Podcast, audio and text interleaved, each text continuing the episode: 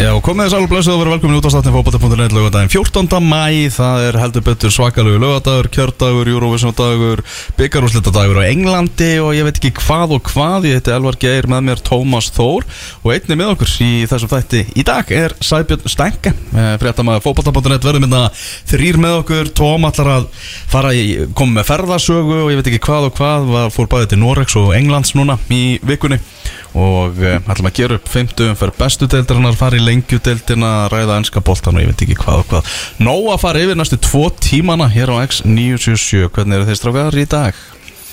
Uh, Rángstæður en, en uh, sálinn tendrandi björn Já, mikilvægast að sálinn sig góð, búin að kjósa? Herri fór á hann, uh, þriða kjördelt í mentaskólanum við Sund Mm. Mér veist alltaf mjög erfitt að fara að kjósa í mentaskólanum við Sund þar sem að uh, hann hleyfti mér nú ekki inn á sínum tíma En svona er þetta í lífinu, skilur ef eina dyr lokast, Mm. þá opnast aðrar. Því að hvað gerist þegar ég komst ekki inn í F Ég er náttúrulega ánlega ekki að segja þetta upp átt Ég er náttúrulega eini maðurinn í sögunni sem er ekki komist inn í MS sko að því ég fell í starffræði. Ah. 2000 sko. Ég veit að þú of ungu fyrir þetta stengi Mm. En 2000 er erfiðasta starffræðapróf ever. Það er svo leiðis Já, í samrættum prófunum. Ok. En Það var svo erfitt að meðal eða þess að lámarsengunum var lækkunir í 4.5 Mastu, nei, þú varst, þú, ert ára yngri. Þetta var hjúts, þetta var skandal sko. Prófið var svo erfitt að meðal þess að lámarsengunum var lækkuð í 4.5 Ég manast því, þetta ég kom náttúrulega áruna eftir þá voru við bara svona í kvíðakast þetta var bara, þetta var svo sögufrækt erfitt próf sko. En skellurinn var að ég fekk fjóra sko. Þannig að hérna þurfti þarna hálfan í, í viðbjóð og fekk ekki. En hvað gerist þá? Þá endaði ég í. Og hvað er þar? Einu skólinn á landinu á þeim tíma Með eh, fjölmiðlafræði Með magga einhvað Og hér er ég í dag. Nákvæmlega. Að bögga alla hérna í landinu með uh, orðum mínum. Mm. Ég er líka flottur bara sko. Ég var líka með Magga Ingva, því líka toppmaður. Já. Ég kaus í öldursalskóla í, í morgun og, og kaus rétt að vanda. nýju heima byggð Já, ég minni nýju heimabyggð. Stækka, þú varst náttúrulega fyrir norðan. Já. Það er náttúrulega ei, eitt mál. Það er bara eitt mál fyrir norðan Það eru kettir eða ekki kettir. Akkurat. Og, og hvað er það að meina bara henda þeim öllum í sjóin eða eiga þá? Ég kaus kettina. Já, þú kaus kettina? Já. Það eru, það eru Þú hver er, er Þú lítur að kosi heimið Átnarsson, ég trúi ekki uh, No comment. No comment að Gefum ekkert upp. Heldur honum þetta sér í eh, bæjarpolítíkinni fyrir norðan. Rétt. þú fyrrverandi Eurovision sérfræðingur, Tom? Eða ertu? Ég er Alltaf, ég er náttúrulega eini maður sem hefur verið sérfræðingur í aftónblaðið sko. Já, já, það er frækt Það var náttúrulega var ekkert eðlilega mikið hleyja því þegar þú veist, ég var að útskýra fyrir norskum kollegum eða mínir skandinaviski vennir núna á Norrlandaþinginu í byrjun vikunar Ah. að hérna, stengjum allt loka. Svo ógeðslega gaman í bylgistúdíuna því að Siggi Gunnars og Helga hérna, Möller er að fara yfir Júruvísa Já, nákvæmlega Gunnardís var ég Kings var- ekki Gunnarsson King Siggi Gunnars hann er Pride of the North. Rétt. Uh, þetta var svona double entendre skilur Pride, mm. náður þessu? Já. Góður. Hérna, sko Ég var alltaf var með konu þannig í tóta sem að vinnur hjá aftonblæðið Já, og ég var að útskjara fyrir henni alltaf minn svona Eurovision sérfræðinga fyrir alltaf hófstæra aftonblæðið hafði samband og var að leitast eftir mesta sérfræðing í Íslands. Mm. þannig sagði mín, hún er ekki sönn sko. Og ég er alltaf endaði að útskjara hérna fara sérst yfir málinn í aftonblæðið og er alltaf eini sérfræðingur sem hefur fengið, verið fengið af svíjum til þess að fjallum Eurovision. Þú veist á Íslandi sko. Mhm. þannig að eh, ekki ennþá verið bóðið alla leið en ég býð. Nákvæmlega. Ég er ekki sérfræðingur en ætla að spá hins vegar Úkræðinu, Sigri, í, í kvöld Já, ég Ég er ekki búin að heyra lægið samt? Þegar á Holmenkollen er komið að uh, þá mun uh, hérna, mun fólk ekki kjósa Úgrænu í bunkum að að fólk verður komið í stemningu og verður aðeins búið að gleyma þessum átökum. Þegar hvítvínið verður, farið að kýtla heila dingulinn sko, og svíþjóðum um vinna. En uh, nú er verið að spá því að ég að Bretland Takk þetta bara Nei, nei. að Eurovision komi heim Í kvöld. Ég lofaði þegar gerist ekki. Ég get ekki lofaði miklu en því get ég lofaði þér Ég stend við þetta, að Úkræðina vinnur þetta. En lagið okkar er ekkert eðlilega gott. Já, það, já. Það er bara þannig. Svo fyndi nefnilega að Júruvísson hópurinn hefur ekkert vakin en sérstaklega mikla aðtegli en lagið er gott. Nei. Horfir einhver á þess að fréttamann að fyndi það? Já, að- náttúrulega Felix Bergson sem er síðan spurður hvernig gekk. Já, Alltaf vel. Alltaf vel. Stöngin inn. Stöngirinn, fréttamann Alltaf. finnir frábærin Erum við ætlum að byrja þetta í bestu deildinu Við ætlum að skoða hérna leiki í vikunni og það sem gerðist í vikunni í eh, þessari bestu deild Íslands. Uh, getum ekkert farið neitt mikið víðar með, með það en þetta er svo sannlega besta deild Íslands. Uh, á, á toppi deildarinnar með fullt úr stiga búin að vinna alla leikina er breyðablík eftir að hafa unnið þannig sigur á móti stjörnunni 3-2 þar sem að Viktor Öll Markesson skoraði sigurmarkið á 8050 mínútu. Sangjart sigurstanga Já, ég held að verði svo þetta var, þetta var alveg sangjant sko en, en stjarnan gerði svona eins vel og rauninni hægt var að búast við sko. Já. stöðinu 2-0 náður að koma tilbaka og, og heldu um alveg. En ég samt hafði ég alltaf tilfinningur að Breiðablik myndi dúkka með eitt og, og klára þetta. Ég veit ekki, þetta er bara, úst, kannski er ég að tala í ringi þetta en mér fannst bara fannst þannig bragur á þessu Já, vatnar þetta Viktor Karli í liðið Dagur Dan skorar hann bara eftir 15 mínútur Já, svona Daði 2-0 Svo komast stjórnumenn á bragði Þegar Guðmundur Baldvin Nökkvason Enn eitt ungstyrnið þannig sem er að, að taka einhverja fyrirsagnir í, í Garðabænum Skorar beint úr hotspinnu Þú talar, eh, ekki þú, þetta Stefán Marti talaði hann við, við Dóra eftir, eftir leik Það sem aðstofþjálfari hjá Blikum Það sem hann sagði að þetta væri bara eins ólulegt mark Og, og það get, geta orðið. Vildi menna að það verið brotið á Antoni Ara Hvað segir þú? Það er fáir sammála Dóra allavega svona út á við. Nei. Og hérna, Ég er á samanlunum akkurat ég hérna húst, Það var ég, voðalega lítið sko. Ég hef aldrei prófað að standa í marki og hafa einhvern svona sem er að íti þig en þetta leit ekki út fyrir að vera mikið sko. Nei. Veistu, það, að, ef það hefur verið brotatna þá bara verið að venda markverði allt og, allt og mikið sko. Hver annar heldur en Emil Atlason sem að jafnaði í 2-2, hann er komið 6 mörg Já, þetta er náttúrulega alveg ótrúlegt sko. Hvað er náttúrulega búin að tvöfalda svona markafjölda sinni upp á fyrir svona síðustu árin. Og það er bara hérna um leið og maðurinn fekk eitthvað smá service og þau spila svona aðeins skemmtilegri bolta þá náttúrulega getur maðurinn skorað. Við náttúrulega sáum það á sínum tíma þegar hann náttúrulega raðaði inn bara bæði fyrir 21 og þau lið sem hann spilaði fyrir. Þannig að dundu strækir, flottu slúttari geggjaður í loftinu. Þannig að þú bara býður hann upp á smá tækifæri til þess að skora mörg þá verður hann að skora mörg fyrir þig. En taldu um samt service Þetta slútt var líka geðvikt.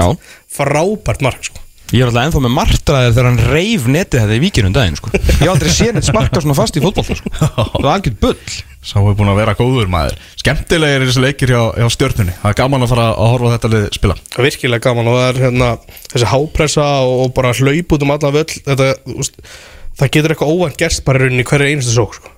og þú veist þeir geta litið náttúrulega alveg fára leitl út þegar þetta klikkar en á móti geta þeir litið mjög vel út þegar þetta hefnast Þetta er svona, þú veist, það er svona Vikes 2019 feelingur yfir. Þú veist, hérna, það er gaman vantilega fyrir stjórnmenn að fara á völlum því að það eru mörg.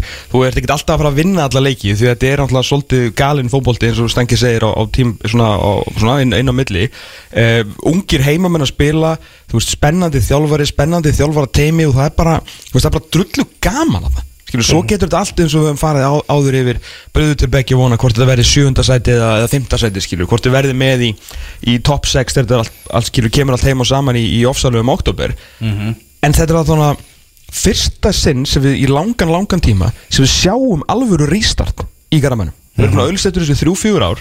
Daniel Lax hérna bara lollaði okkur þegar við vorum að spáða um sjötta sætinu þegar þeir bara Mér allt í lagi, ég meina þú veist bara, hérna, menn voru kannski svolítið blindir á, á einu ágæti þarna og af hverju ekki, þú voru búin að eiga frábæran tíma en þeir bara sáu ekki tröppugangi niður eða vildi ekki sjá hann og gengust ekki við honum. Og núna kom bara Gústi og Jökull og bara restart bang Já.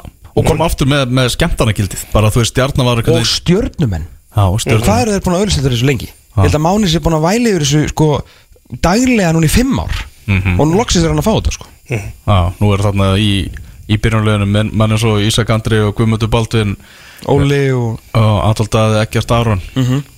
Þeirra strákar? Já, þeirra strákar. Akkurat ég hvet samt svona eftir eftirleiki var svolítið svona stuðnismann umræða stjórnmenn mætið á völlin og verið háværir þið er að fá það sem að þið voru óska eftir. Ég veit ekki um, nákvæmlega góðfundur Er ekki á Twitter og skemmtir þetta eftir þetta? Græna, græna pöndu umræðan fór alveg, hérna, alveg á, á þvílitt flug og ég veit ekki hvað og hvað. Græna pandan er frábært langt, ég skil ekki hvað menn hafa svona rosalega á mótur sér sko.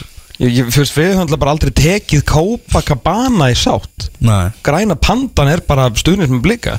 Og því er þetta að vera eitthvað litlir við því bara geðveikt nafn Já, þannig að Máni er búin að vera sérstaklega til að halda því hérna á, á, á loftinu upp á síðkastu En þannig að uh, brot hérna úr vitali fyrir Gústa Gilva, hvað eru að fara að hlusta á stengið? Herðu, hann er hægt að spurðu hvort það sé eitthvað ósætti í tengslu við Brynjar Gauta Guðjónsson sem að Orður sögur á þessum það? fyrir þennan leik? Akkurat, hann hefði verið hvað rokið út úr klefa eftir æfingu eða eitthvað. Já, það er að vissa að sá hann var ekki í liðinu. Heyrðu hvað, hvað Gústa það að segja? Svona aðeins að leikmannumálum með Brynjagöti ekki með í dag og Ég ekkur orðrámur um að það kom upp eitthvað ósætt í vikunni. Er það eitthvað getið staðfest? Nei, alls ekki, alls ekki. Dósætti Brynja Gauti var á bæknum í dag og, og, og hefði alveg verið valið til að koma inn í leikin en, en uh, það var ekki ekki ég hef allan ekki heyrt að því. Auðvitað kannski að leikmenn í, í öllum liðum sem eru kannski ekki að spila og, og hafa verið að spila í gegnum tíðina þeir uh, mögulega verða ósáttir og, og, og láta heyri í sér. Þannig að jú, það, það er bara eins og gengur að gerist maður er í þessu þegar líf og sál og, og, og uh, bæði ég og leikmenninir þannig að auðvitað fara menn að spá spekulæra í hlutina ef það er ekki að spila Glukki loka nú í kvöld eh, Ég vona Hefur með svimar Þetta, þetta var langt og ítalegt svar hjá, hjá Gustaf sem fór í nokkra ráttir Það, sést, það er, er ekkert ósætti En það er samt, þú veist, ósætti. Hljóma þannig allavega. Það er svona, þú veist, menn eru ósáttur eða spila ekki Og hann spilaði ekki Og var ósáttur En það er samt ekkert ósætti. Nei? Það var alltaf einhver sagði um það að, að hann hefði viljað fara Ég bara þóri ekki að standa upp með þetta sko. Leikurinn var á, á, á gluggadeginum sko. Þannig að, þarna að hann hafi viljað bara viljað fara þegar bara glugginn var að fara að loka sko. Byrja einhverdi Já, það segir, segir sagan sko. En þarna er alltaf, já, mikið stuð hjá, hjá stjórnin og talandi um stuð Óskar Rapp Þorvaldsson sem er nú oft með bara pókersvipinn og, og allt það Hann var sko syngjandi, dansandi gladur eftir þennan leik. Sko það er, uh, það er Liverpool 20 væp 1920 væp yfir núna. Bara þeir eldu þarna Þeir voru svo nálægt þessu Þeir eru bókstaflega andadrætti frá þessu í, í hérna á síðustu leiktíð. Og nú er þeir bara, nú er Óskar finnu það bara og það er alltaf gangu upp þeim. Hann náði að móta hérna að búa til besta leikmann í deildinni og hérna úr Ísaki. Þráttur er skakkafullar hann fram á við Hvort hann sé átnið að Pétur Theodor er bara búa til bara frábært lið og ég held að Óskar finni það að guttarnir hans séu bara orðnir að kallmönnum sem er að fara að vinna þessa deild sko.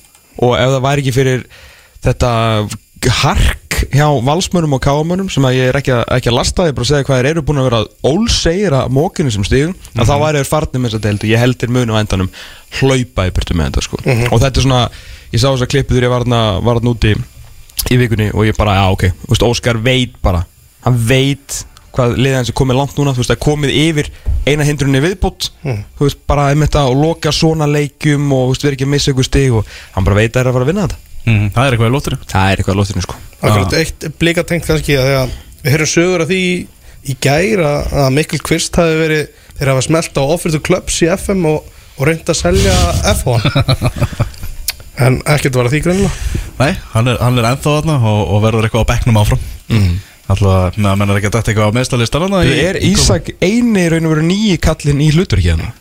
Já, núna David Ann alltaf byrjaði þegar að Viktor Karl var ekki í liðinu. Já, já, já. Þú veist, en svona eini bónafætt startinn frá síðustu leiktið er Ísak. Já, já. Nákvæmlega. Og hvað er ekki dag að koma með tvö mörg núna? Nú, Já, mér er flott breytið, það er nóg að, gera hjá þeim. Á, heldur betur Herruðu, þá skulum við fara yfir á Oríkuvöllin þar sem að Valur mætti Ía uh, eins og að tala um, þeir eru búin að vera ólsegir Valsarar búin að vera að harka út úslitin Svo allt einu kom þarna 4-0 sigur á móti skagamunum og Aron Jó ekki með eitthvað lítilega meittur mm. heimi Guðans talað um það hann er þið já, komin afturvæntalega bara fyrir leikinu móti stjórnuna sem er á morgun. En þá mætti Arstóð Smárasson og fekk að að spila þarna í tíunni. Tvær stóðsendingar frá honum í, í þessum leik og hann var frábær. Mm sérstaklega fyrri stóðsendingin vakti mín aðtekli að það er að hægla geta bara látið vaða en hann sá hann að betra færi og, og tryggvi slútaði. Það er svona eins og í körfunni. Næsta sending. Næsta sending. Finna be besta færi og San Antonio Spurs feelingur yfir Svona manu í honum. Ah, Ég held að Patrik Pedersen sé alveg meðvitað um þessu umræðu hvort að hann eða Aron að vera í fremstu viljunu hann skoraði fyrsta marki í þessum leik. Hann bara eina leiðin til að, til að já, svara þessar umræðu, það er bara með að skora inn á fótboltavellinum mm. uh, Tryggvi Rafn Haraldsson, sterkasti leikmaður umferðarnar í bóði steipastöðarnar skoraði tvívegis og Guðmundur Andri Tryggvason einnig þannig að svona, Ó, alveg voru skagamennir eitthvað leiðilega við skagamennir það er nefnilega þannig. Þeir voru erfiðir. Það voru mjög erfið sko. Já, þetta er náttúrulega þeir sprungur náttúrulega svolítið út þarna og auðvitað er, þú veist, er Arnór Smárásson í dag bara framlíkjandi miðjumæður, náttúrulega ótrúlega skapandi leikmaður og ógeðslega fljótur að hugsa, gott touch, getur skotið, getur lagt upp, uh, hefur bara ekki, hérna, og það er bara allt í lagi, minnum maðurinn er bara árun aðeins eldri, búin að vera svona smá meðslum og svona erfur vetur hjá honum, hann er bara ekki sexa, og það er bara basta mál. Það var það bara framar á vellinum. Akkurat. ef hann kemur inn, hvað er hann búin að skora núna? Tvö og leggjum tvö? Já, ég held að segja þannig. Já, og komið hérna tvö á okkur um 40 mínútum og svo kemur með þessar stóðsendinga þegar að fara að byrja hérna framar á vellinum. Og ég held að sér bara, ég var nú að var ekki bara í síðasta þætti að auðlis eftir þessu. Fara hann hérna framar á vellin Hann er líka afskaplega flæðandi í tíun Hann, hann er oft bara komið fyrir fram að Patrik og mætturinn og teg og Þetta hann bara- kann allar stöðunar Þetta þarna, er bara atvinnu maður í fótbolta. Bara í bestu deildinni. Já, það verður spennandi að sjá klukkan 18.15 á morgun þegar bara byrjunarlið valsverðu tilkynnt fyrir leikina á móti stjórnunni sko. Já, Það verður ótrúlega óvænt samt finnst mér ef hann tekur Arnur út núna. Já, Aron líka kom úr meðslu með þetta réttlæta það ef hann er veist, leikfær að byrja samt með hann á bæknum sko. mm. Já, al algjörlega. Og heimir hefur ringað til ekki verið að breyta sigurliðum og, og hafa Nei, sigur? þetta menna sinna að byrja að þjálfa? Já. Já, einmitt.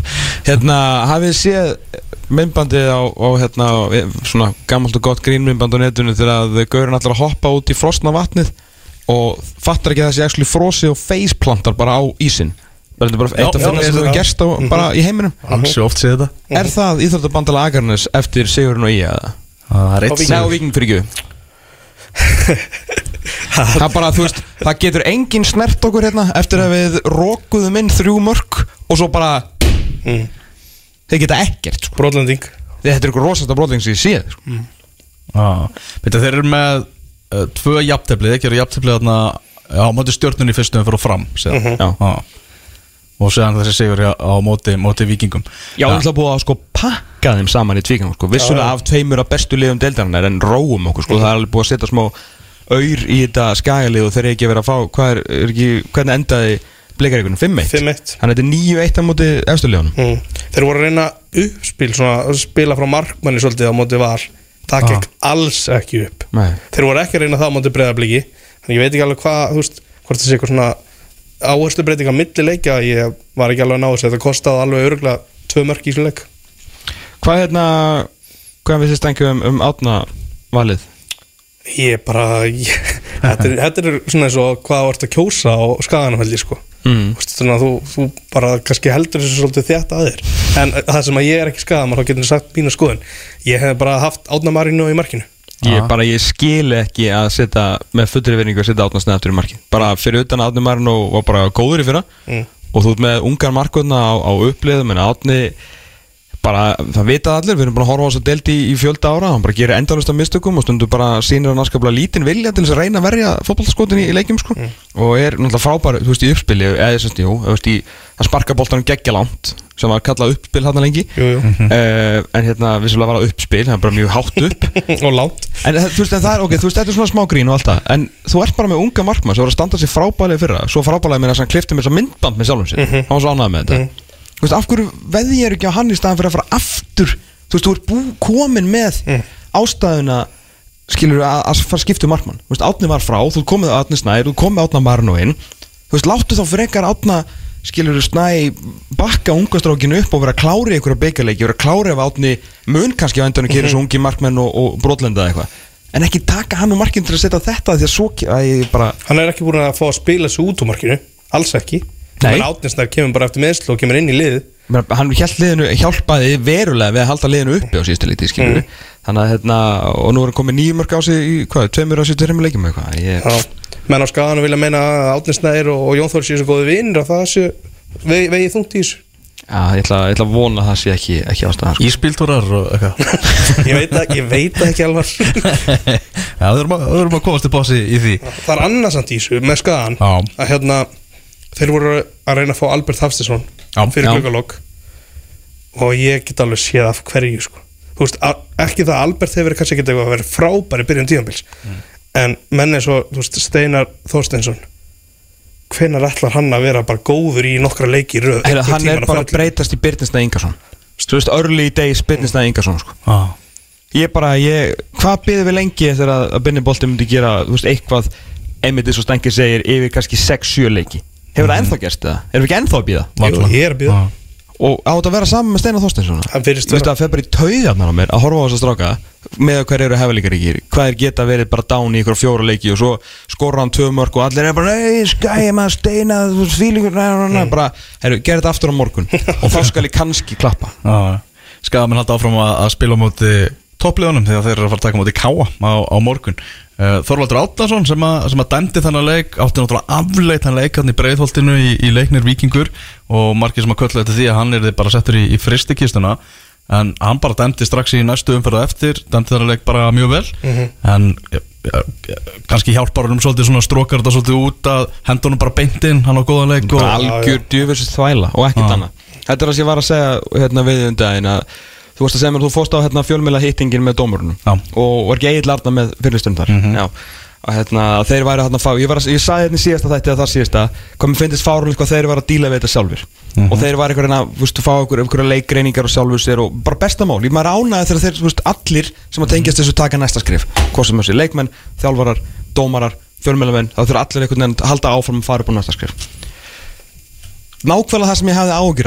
það var þetta, ef þeir séu að meta eigin framistur, því það fór ekkert á milli mála. Sko Þorvaldur Átnarsson getur ekki falið sig á baku það að hann hafi ekki verið að reyna viljandi að eðlika fyrir vikingi í þessu leik. Það sér af hverju, að hann er frábær dómari og hann er með tvö augu og heila sko sem hann er, hefur notað til frábæra verka um langar hríð. Þetta er eitthvað, hvað var hann? Besti dómarinn hérna, hvað þrjú ári röð eða eitthvað? Hann er frábær dómari Þorvaldur Átnarsson þannig að það er alveg augljóst mál augljóst mál að Káur Víkingur sat ennþá í höfun á honum og þetta var eitthvað svona, ég ætla ekki að segja hemdar aðgerð en þetta sat í hausnum á honum. Þetta voru svo augljós viti og ef þú ert að gera eitthvað svona þú veist, þá ertu bara ekki í standi til þess að dæma hana leik og þá hlýtur að þurfa að frista þig næsta leik sko. að hann hafi dæmt næsta leik eftir þennan bara, þú veist Ná, var, var þetta ekki bara næst, næsti leikur strax á eftir strax á eftir. Já. eftir það sem hann gerði upp í breiðaltu um daginn þetta er bara, þú veist, þetta er dómara sem sagt bara yfirvaldinu hana til skammar og ekkert annað.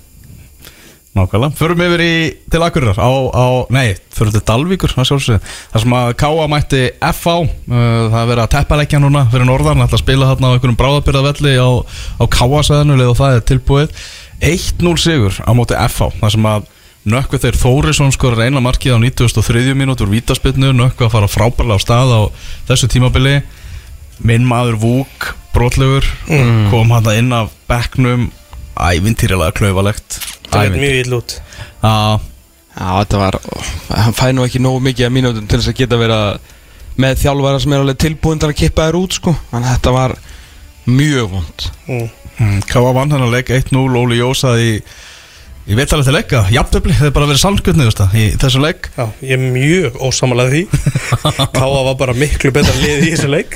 Sko, sko þið, þið skoða bara tölfræðinu úr þessum leik að bara FH gerði ekki neitt sóknarlega.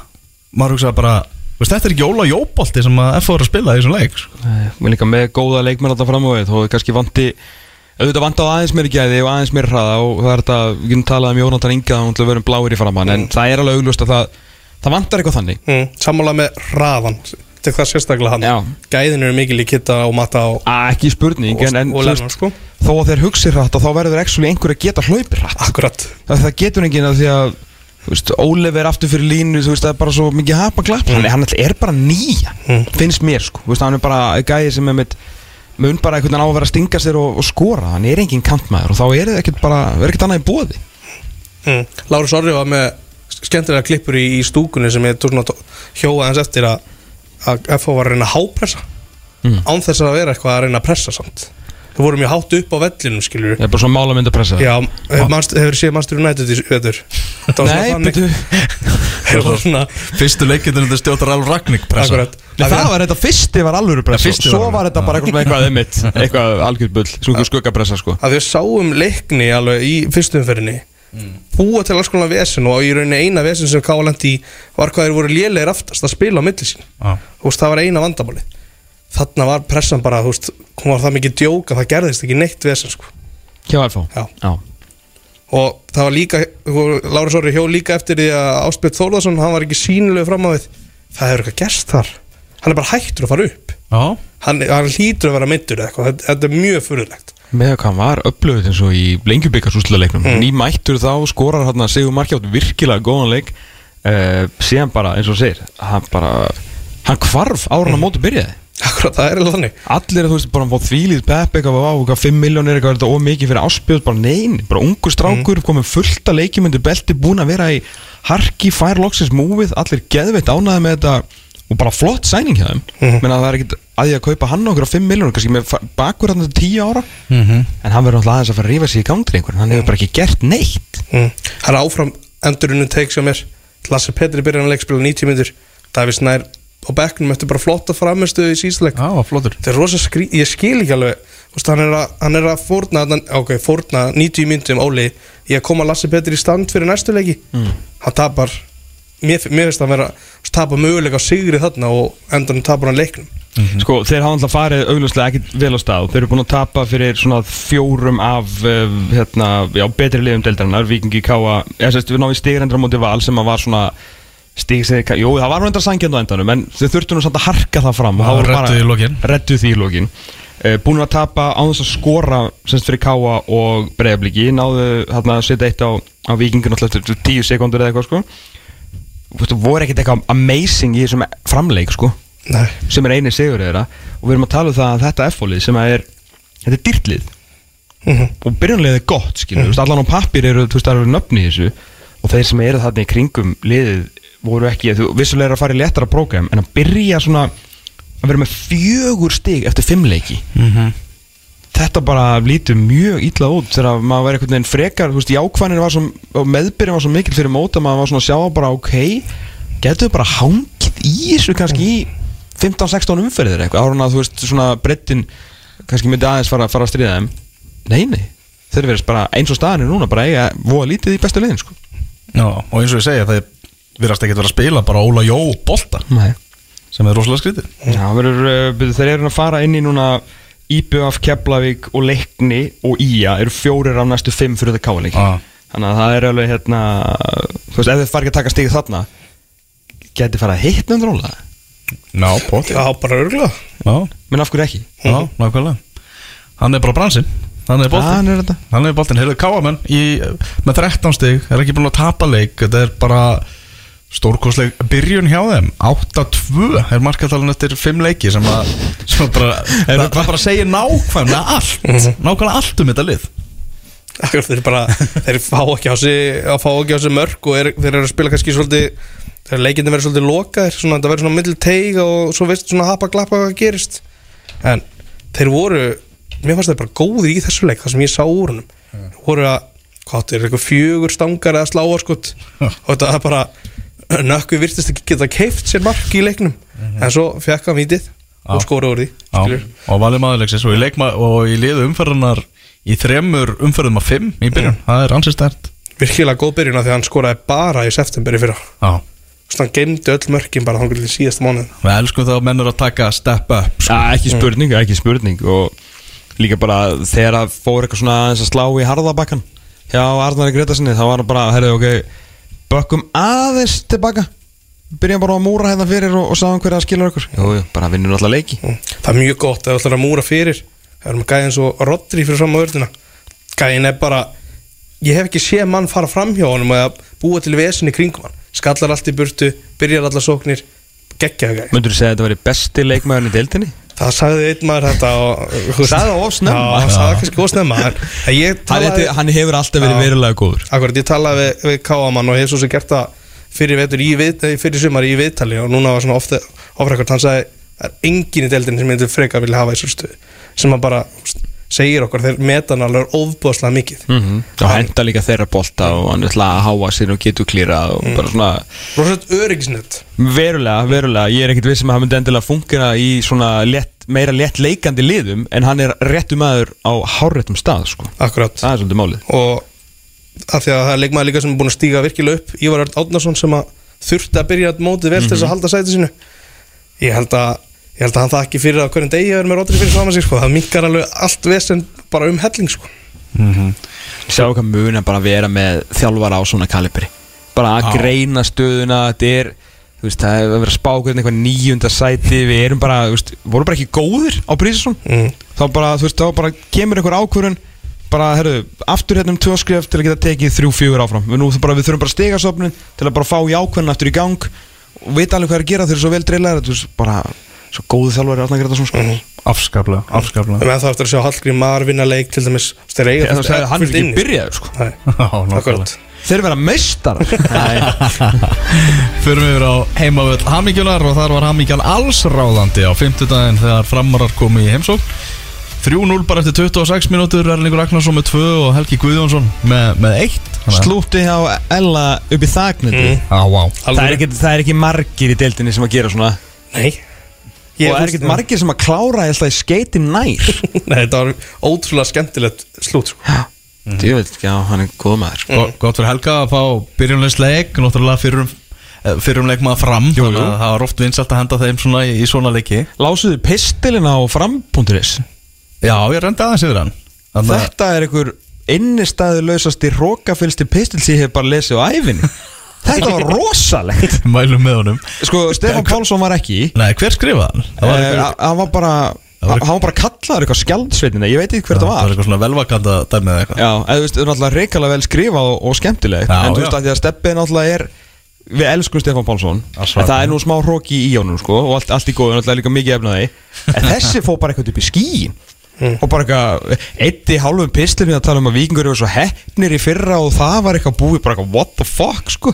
Og bara eitthvað við varum vera litli bróðir fram eitthvað Og fyrir utan ári í fyrra Þá hérna hefur nú haldið okkur til hljés Og unni bara í bortinu Bara eitthvað haldu kjafti Bara eitthvað Þeir eru ekki búin að vera relevans eða 91 eða eitthvað sko. Nei 90 Það var ekki þetta, ég er samt, þú veist Þetta er svona hálft í hvoru grín og alvara Því að það var ógeðslega skemmtilegu pistil sko. En að mörgur leiti mjög skrítin líka sko. Já, En ég fagna því að þeir haldi þessu gangandi. Já heldur betur. Þetta er bara eina stuðnismanna síðan dag sem eh, hérna, Í dag sem að býður bara upp á Eitthvað 500 orð um hvert leik sko. Já, Pislari og Stefán Pálsson er búin að vera alveg þeir eru geggjaðir, Líka þegar þeir voru hérna í, niðri í, í Þá var, var hann líka alltaf að fara okkur á staði sem er aldrei komið áður sko. Það var alltaf langt skemmtilegast að finna sko.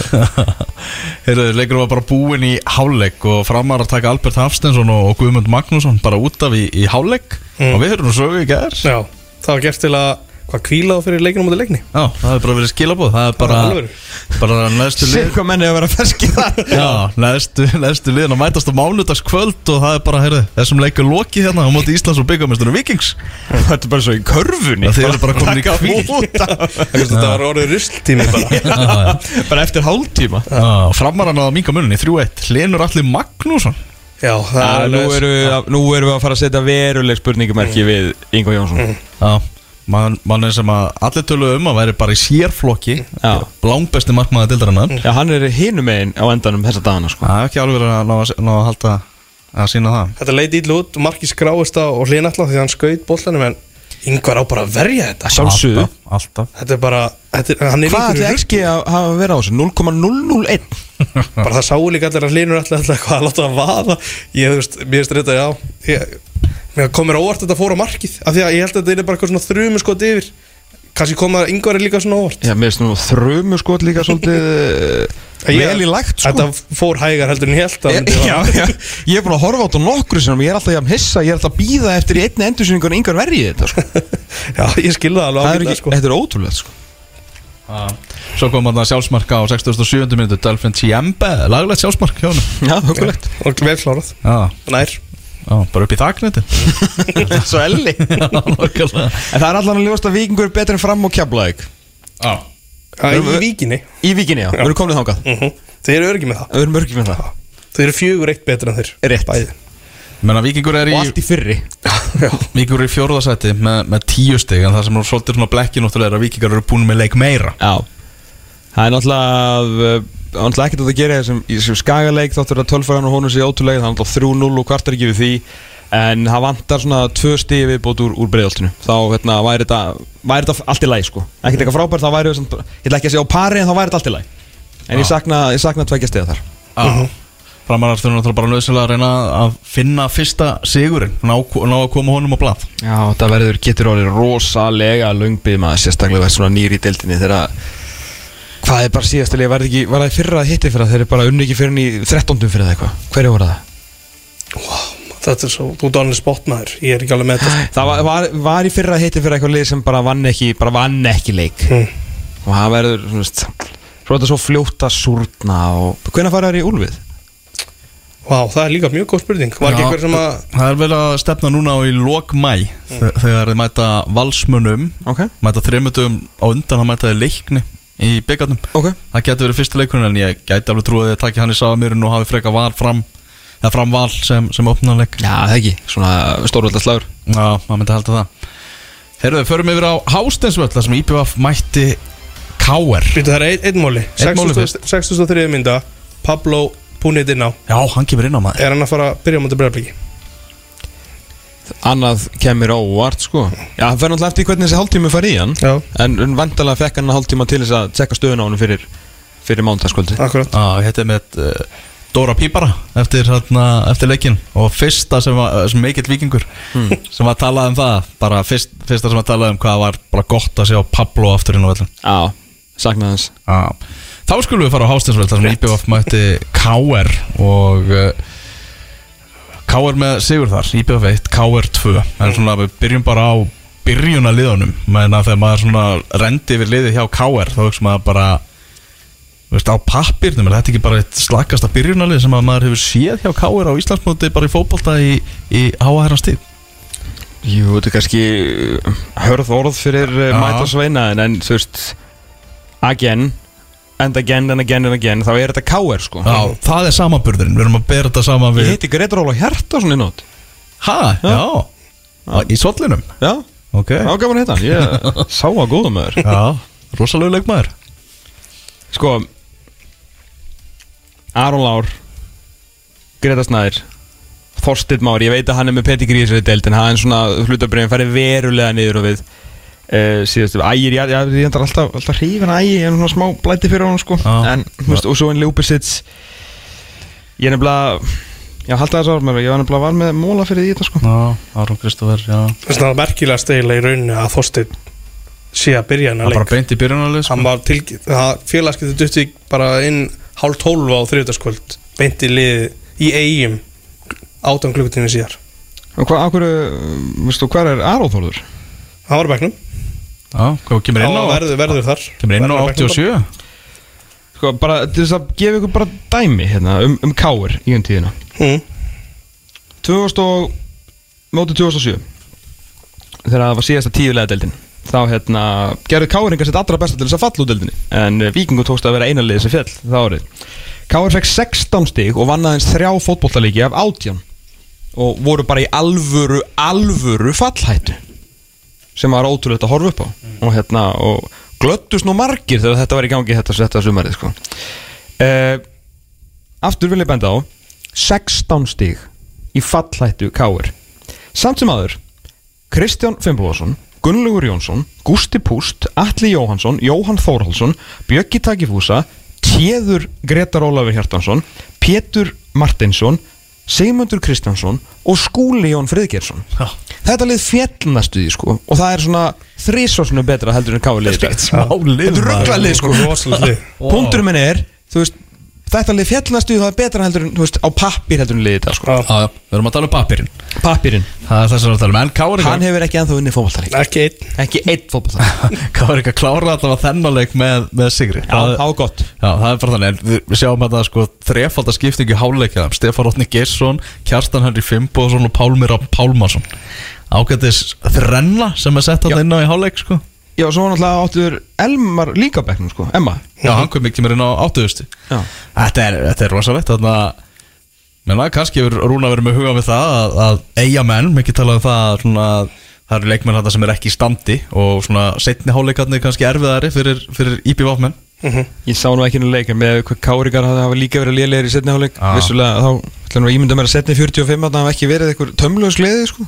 Nei, það voru það ekki. Nei, ok, Bara gott. Staðfest. Já, já, og Rúna Kristinsson var alveg bara heiðalögur í svörum og allt það Sæt, Við vorum ekkert góður í svona leik. Nei. En við unnum þetta. Að ég er hjátt skora á þriðju mínútu Kristinn Jónsson með laglegan flugskalla hérna sjálfsmark á 2009. mínútu. Og það var tvö glæsileg sjálfsmark í þessar umferð. Kjelni Tjóppart síðan á 40. og annari mínútu það reyndist sigur markið í leiknum ekkert skoraði setna áleikin eins og það fekk Atti Hrafn Andrason beint rauktspjald þarna fyrir grottaralega tæklingu. Var það ekki bara hárið átt Já, Þú orðar það þannig eins og þetta sé bara gefis Ég veit það ekki En ég, þú veist, það er hægt að gefa gullt og það er raukt, skilur Já, Það á ekki að vera löng umræðum þetta Þú ætlar að gefa þetta væri bara raukt það ekki. Segjum bara að þetta sé bara að Þetta var grottarlegt eins og þú segir En þú veist, getur líka alveg bara að gefa guld sko. Já, 94. mínútur Já, já maður veit ekki. En allavega ég held að Sigur Hjörtur Dómari fá ekki eitthvað mínus í kladdan fyrir þetta. Nei. En uh, áfram heldur þetta og það eru þrjúlið sem er ekki búin að vinna fótboltaleik og, og, á tímabilinu og IPVF er eitt af þeim. Sko ekki nú bara það heldur hérna, en það er kannski umræða til að taka eftir, eftir síðasta leikin, ég er alveg búin að býja lengi en svona, með svona fann að bæla hvort að muni fara til kemla ykkur Já. Ég held að við höfum bara ekki tíma í það Við tökum hann árin í kemur hérna, svona til að summera punktinu. Ok. Þarna, Eh, Varstu kannski ekki búið með IBF? Er þetta svona, Ég er ekki búið með IPVF gott, ok, ok. Þegar ég er með hérna Gauji Lýðsa á bekknum Kemur inn á 7050 mínútu. Og uh, hemmi reyða spurður út í þetta Tók eitthvað svona pólitík á þetta Og sagði að maður er bara að nýta hópinn Og allt það og, og löngu móti og eitthvað. Þú ert ekki búin að vinna leik Hvort að maður þetta káir á heimavelli. Þú ert ekki með Gauja Lýðs á bekknum Nefn að sé eitthvað ástæða fyrir því. Þú ert ekki bara eitthvað að nýta breytina sko. Þannig að og bara maður heyri það maður bara lést það í það það, það er bara ekki ánægja með byrjunin á þessu móti hjá, hjá Gauðalís Mhm. Hann er bara of þungur. Já, Þetta er bara, þú horfir á leikin, þú sér það. Þú þarft ekki nærmynd eða neitt. Mhm. Já, já, Þú sér það þá- líka með og þar eftir að hemmi hafi ekki viljað þú veist, þá er það bara ástæðan fyrir því að hann er settur á bekkin það er, bara Akkurat. ekki, það er ekki búin að vera ánægja með hann í, í upphæði móts í, í Vestmannheim mm. það, er það er það er að vera- þetta mikil ánægð með Gauja í Vestmanniðum Já, Já, já, svo er það í, bæjarlífinu Bara í bæjarlífinu sko. Já. Andri Rúna er náttúrulega líka að koma sér í stand Hann fær kannski, hann fær kannski að spila sem er í stand ég veit það ekki Já. Já, þeir eru bara, það þurfu bara að koma þessu lið í gang maður, þetta hljótu að vera þvílík Hvar eru mestu vonbreiðin? Er þetta ekki IBF mest? Nei, leiknir eru mestu vonbreiðin Já. Já, það er svona last Já.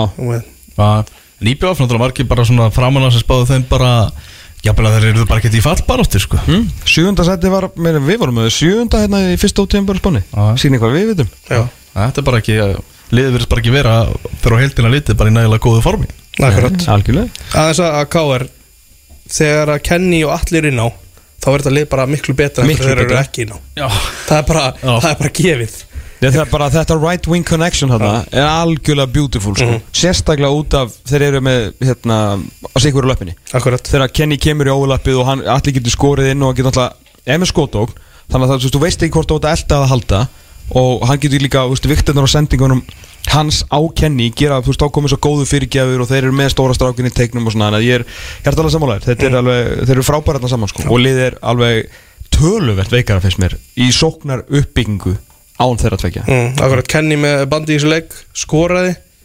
Haldur Páll á að verja það skot Mér finnst ekki vera að að hafa rætt. Já, Mér finnst þetta ekki út í hotni eða neitt Bara fast skot Sem að mér finnst hann bara eiga að verja. Já. Káringar í sjötta sæti deildarinnar með sjö stig uh, var bara þurftu nöðsila maður vinna þennan leik í vestmannum og þurfa að, halda, á- og þurfa að tengja sig við þennan sigur þá skulum við fara í miður á HS Orku völlin þar sem að Keflavík slátraði leikni 3-0 enduðu leikar. Keflavíkingar hefði ekki unni leik þegar koma þessum, þessum fótballaleik og leiknismenn ekki heldur og þetta endaði með 3-0 sigri Keflavíkinga Er það annað marki í leiknum sem er bara það fyndnast að segja séð? Sko fyrsta markið, Adam Ægir Pálsson á 50 mínútu Þá er það þegar Viktor fyrir út Já. Lendir á Bjarka aðalstinsinni Einmitt. Og sem gerir það verkum að Bjarki fyrirliði leiknis fyrir meittur á velli Og Er það Adam, regnir þá hellir regnir ef Adam Ægir Pálsson skorar fyrsta markið í leiknum Er verður samt að gefa hver á dæma? Einar eða? Ég held að vera einar já Einar Ingi, já Vel gert að sjá þetta var samstuð samherja sko Dæmdi hann leik frábæla Já, flott. Já, það var vel gert hjá hann Ég menna Nacho var hann í kring Einmitt, það verður það verður ekkert mála að klúra þessu Akkurat. Bara markmaður dettur í teiknum, bara bup Mhm. Vel gert Já, stafar 1-0 í háleik Patrik Jóhannesson skorar sann á 50 og annari mínútu og svo á 81. mínútu þá skorar Helgi Þór Jónsson og hafa bara allt í ólægi Mm. á, á leikna og var Hvaða bara, mark er það þegar Það þú er veist Patrik 52, ég ætlaði að mynda að stoppa Elvar Það Ok, þarf að ok. ræða það mark takk það marka þess Þetta var að fá með kaffi. Það hefði mátt spila bara klöða bara tónlistarna Nei, það, það er bara nákvæmlega þannig. Ég var að horfa á þetta bara í, flugi eða eitthvað. Og bara að Aðdrandin er svo langur. Fyrst er þú veist léleg sending Svo komast upp með það Svo önnu léleg Svo dettur hann eitthvað á grasinu Og eitt faceplantar Og svo kemur Nei, það er þarna marki. Nei, betur þetta heldur á Þetta er ótrúlegt mark. Það er fór- svo mörg mistök í þessu Það er ótrúlegt. Ég bara Þetta var Unbelievable sko. Sko, skoti fer svo í binna og svona, svona hliðin á Viktor einhvern megin Já Þetta er, Já, en sko afgriðslan er ekki einu svona góð á Nei, endan sko. nei, alls Þetta var ekki. bara vond frá upphafi til enda sko. það er reikalegt Hvað fannst þér alvar? Mér finnst það bara sjokkarandi Ég ma- ma- var bara algjörlega í sjokki eftir þetta. Eðlilega. Ég menn þetta er bara síðan leiknum komið upp þá er þetta lélegast að framist að leiknis í efstu deild. Það er svo liðs Já, já Ok Það er bara klart mál Svona sko. verra heldur en á móti ía í fyrra Já, Já, þá er þetta mjög vond já Þetta, þetta var bara afskaplega vont, Það var bara ekkert gott í þessum leik Það er ekki flóknir að það. Nei, og þeir fara virðast fara bara þú ert svona um, hefur verið að tala um sjálfströsti í þeim og að bara byrja móti illa að vera litlir og bara halda áfram halda minn og minn og minni. Já. og þeir virðast bara ekki geta komist úr þessum hjólspurum hjólspurum, hjólfurum Já, það verðist að reyna eins og bara þetta, þessi umræða, allt í einu það var svona menn allt í einu farin að hafa smá trú á leikni Albert Brynjar farin að veðja rauðvinsflöskum í sjómarpinu bara leiknir er á góðum stað og, og allt það bara virkilega flottir á undirbúinstímabilinu ringdi inn mörkunum og mikið stuð og allt þannig. En svo bara byrjaði bestadeildastefið að, að hljóma og, og það er eins og bara menn sé ekki að höndla þetta. Þetta er bara eitthvað, veist, ég Þetta er ekki HM sko, þetta er nú endanum bara íslenskur fótbolti, menn þurfum ekki að vera með bara, skítin í buksunum bara á HS orkuvellinum. Ég bara veit ekki reynilega bara hvað er í gangi sko. Nei þetta ég hef aldrei, nú er ég búin að skrifa um eða tala um þessa deild síðan 2006 mm. uh, Horfanum vissluleikar er bara svona að vera djúpur núna í síðan 2006 Já. Ég man ekki eftir því að hafa séðlið skora þrjú mörka meðaltal í leik á Prísisson og skora svo bara ekki mark. Nei. Hvað er búin að marka leikir? Fimm leikir þeir eru búin að skora eitt mark og það ekki svona sjálfur Stengar, þú varst með samantækt um þetta á .net. Það er aðtökulega sem verður móli að Patrik Hrínivekki er búin að skora meira heldur í leikni Hann er búin að spila eitt leik í vörninni hjá KVF Já, lánaði frá leikni. Nei, þetta er, þetta er ótrúlega Þetta er með ólíkindum að, að segja þetta og þetta er ekki gott fyrir okkur sem að byrjum verðingu fyrir og, og horfum á leiki og prísasson og erum svona að meta deltina út frá því Akkurat. að hérna, þetta er ekki þetta er ekki gott fyrir okkur. Er þetta fjögur mörg síðan Sævar allir var seldur út? Já, Daniel Finns með tvö, Escobar eitt og svo Eður Aron eitt. Sjálfsmars Það er, hann var í ágúst, snemma í ágúst í fyrra það ekki? Síðan Sævar allir fór, það er enginn í núverandi leikmannahópi leikni sem hefur skorað á Íslandsmandi Já, það er bara þannig. Það er, það er bara þannig þetta á Ég sagði bara eitthvað á heimleið eða? Uh, Nei, þetta sé að leiðir bara upp í dönsku úrvalstildina Já, þetta er meiri líkur á því. það eru- það eru meiri líkur á því þetta er, já það er heldur betur verkefni fyrir, fyrir Sigga Hörskvölds og hann menna, menna að reyna að finna, finna lausn á þessu. Talandi Sigga, hann var, maður sá það bara í sjónvarpinu hann var ósattur á hliðalinn skiljanlega, Já. en mér fannst hann mjög, hú veist, sóknina voru oft enda á því að einhverju svona skrítnum svona móttökum hjá Mikkel Dahl og hann var ekki að ná takti við leikin það vantar eitthvað upp á þar ennþá Já. hann er kannski ennþá að ná sér þessu meðslum eða hvað er einhverja flottar afsakanir en hann verður að rífa sig í gang Þegar menn er að komast í góða stöður komast aftur fyrir bakverðinu og eitthvað, það er bara eins og menn fái bara heila blóðfall sko. Þetta er bara svakar þetta að horfa á þetta sko. Heldur að uh, þetta alveg geti verið staður þar sem þið lærðu mest? Ég, ég vona það. Ég vona það að við tölum um það í framtíðin að við lærðum mest á HS orku vellinum Já. sko. En það er svakalegu leikur um átti fram. Ertu með þarna leikaprógramið hjá Já. leik, leikni eftir að það er þessi fallbaráttuslagur Við getum sagt það í, í sjöttu umferð? Já, svo er að uh, haldið ykkur fast Já, Knarspilnufélag Reykjavíkur uh, Ungmennabandala Kópavogs Fimmleikafélag Hafnanfjörðar og Knarspilnufélagi Valur. Já, en næstu leikir á leikni þar Já, og og Ísleikur sem sagt K.R. Breiðablík F og Valur. Aha, það er prógram Það er er prógram vonandi að mútið F á samt með við þessum að ræða á hann. Já, er þetta. Nei, sko, svo er skæin og stjarnan Skæin verður mjög, það verður annað kannski fallbártuslagur og ég sáum hvernig þið kominu inn í það Ég veit að er langt í þetta. Uh, Stjarnan K.A. Þetta er En maður hefur samt, þú veist, ennþá einhvern veginn trú á einstaklingunum í þessu liðið að ef að þeir ná að finna taktin í þessu framleik og vinna hann. Að þá hefur maður trú á því að þeir getu stríkt þessum stóru liðum jafnvel bara í framhaldinu sko. Já En svo er það er þið mjög vond Þeir myndu tapa allir með 4-0 fyrir fram? Það væri mjög vond. Heldur það er þið von er þetta aðeins að kepla? Er, ekki, erum við búin með leiknið það? Vonandi. Já, ég held að. Já. Það er svo lítið að segja Þeir eru bara lélegir Þeir skor ekki neitt Já, já. Og vinn ekki neitt. Akkurat, ekki sant Já. Það kveður svolítið við nýjan tón hjá Sigaraka allt í einu núna Núna eru þið með miklu betra liðin í fyrra. Og það hættur að tala um hvað eru með miklu verra lið heldur en liðin Það Hann er alveg, þú veist, á útvarstæki, sko. Já. Hann er, hann er eitthvað að pikka upp Og heyrðu, sjónvarpstæki. Ég þarf kannski að senda ykkur önnur skil En að þeir séu lélegir. Já. Þannig er, ég var að horfa yfir bekkin þetta, er- þú veist, þetta er ekki, og liði bara, þetta er ekki eitthvað frábært, en þetta er bara fínt lið þannig sé, Þú veist, þeir eru ekki þeir eru ekki 3-0 betri en leiknir á papírunum góðu, Nei, en þú veist, þeir eru samt Sindri góðu markmaður, ég meina Nacho eða Ignacio hann heitir nú greiðlega aftur. Uh, Nacho, þú veist, bara Betty Gríðis og Deild Rúnar komin á, á skrið aftur, munar mikið um það. Uh, Helling. Helling, Já. hann er náttúrulega frábær. Þú veist, hann er greinilega leikfær eins og hann er. Hann sagði eitthvað í viðtali að vera stöðu sport að þetta væri vond daginn eftir og Gummi Ben grínaðist ekki farið aðgerð þá. Já. Það er akkurat það sem hann á að gera hann ekki farið aðgerð ef hann verður eitthvað aftur frá. Nei, Þess, hann getur haldið þessu bara áfram farið aðgerð í haust bara.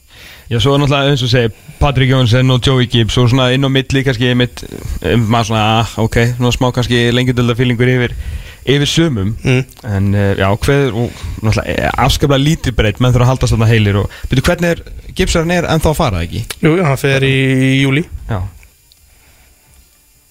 Já, ég er svona þeir eru allan að, sko, að því að við erum búin með hérna liðin þetta nýri ef við tökum þessi eitt punktur samt, talandum efri hluta og neðri hluta.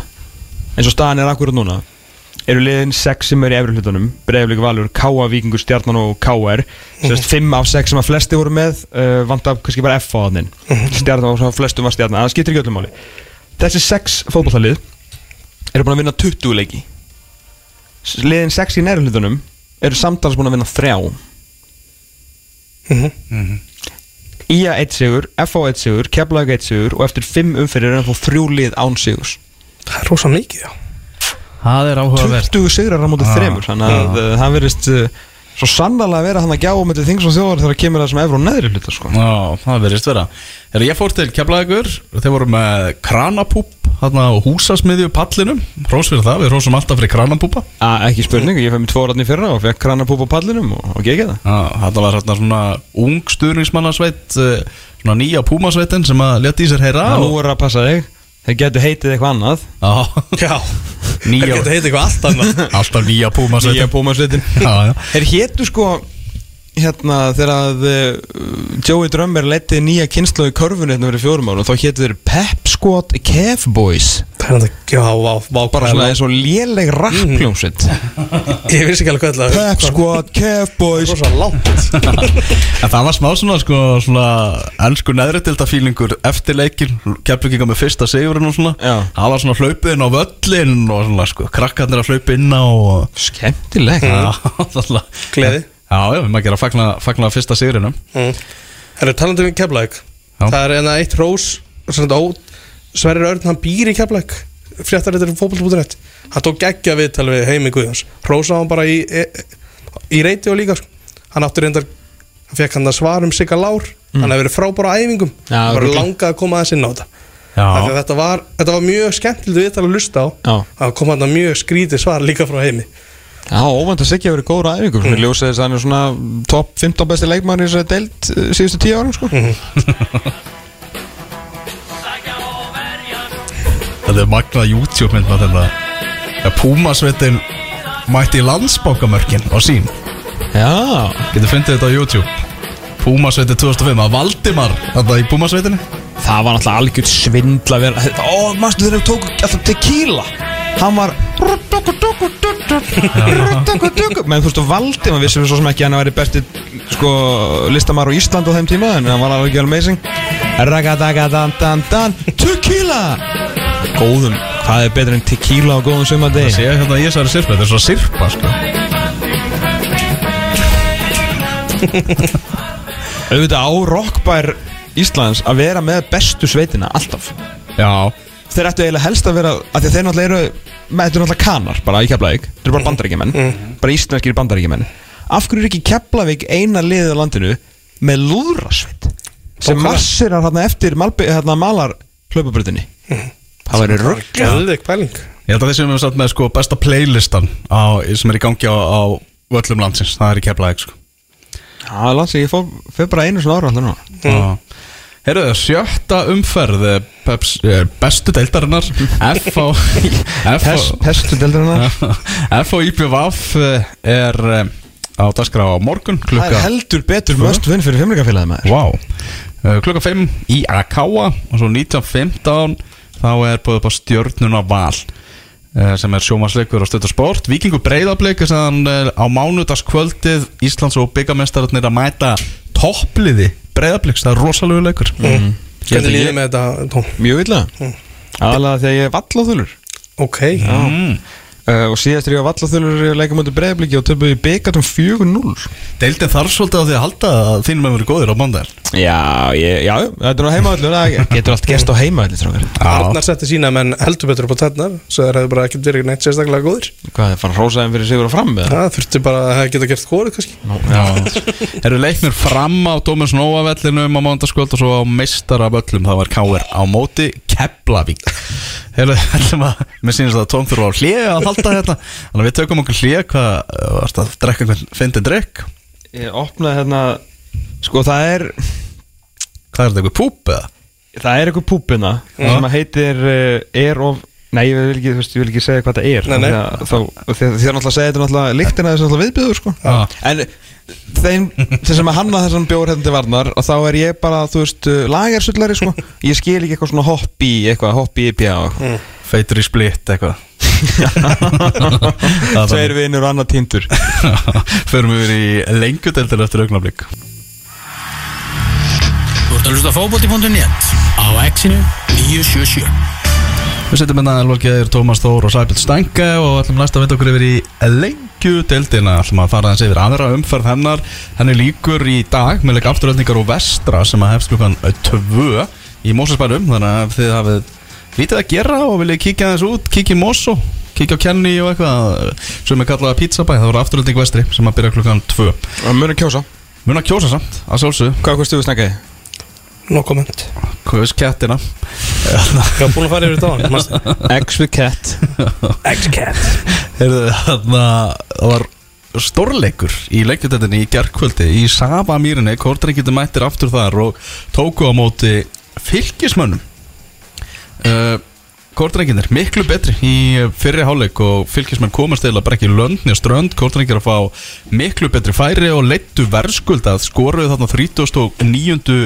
mínútu þar uh, í Osu Villar átti þarna svakalega stungusendingu á Daniel Gilvason sem að kláraði vel fór hérna fram hjá Ólafi í markinu og, og, og skoraði Jósó Villar var hérna hjá Káa fyrir nokkrum árum mm -hmm. Uh, herða Davís Mári búin að vera nokkuð lengi á eftir honum náðu að endanum að krækja í hann og ég skil það vel, það er gæði þessum leikmanni sko. Hann síndi það ve vel, ég sá mér inn í gerð sko.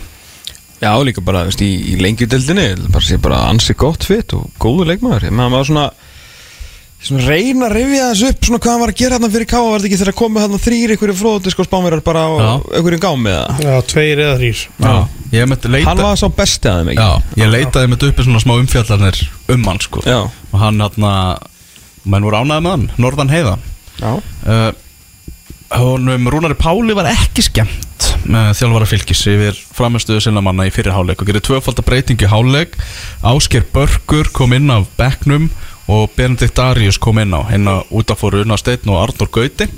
Og þessi tvöfaldarskipting hún virkaði. Ásker Börgur kom inn með, með mikið kraft og Benedikt Darius var, var líflegur og allt annað að sjá fylgi í setni háleiknum þar sem að þeir náðu séðan að jafna metin á 70. mínútu vildu fá dæmda vítaspinnu stuttu setna en það var hins vegar, ég held bara að Kortringir væri að fara að tryggja sér öll stíðan þegar 5 mínútu voru eftir, Jósó Villar átti frábæra skalla, en Ólafur Kristófer með markvörslu sem var ekki síðri 1-1 loka tölur og já, þegar spjallaði við Rúna Pál hann eftir leik, þá talaði hann um að Já, með hvernig leikurinn hefði verið og, og hvað hans menn hefði bara lítið getað í fyrir hálfleiknum, þá væri hann bara sáttur við eitt stig úr þessum leik.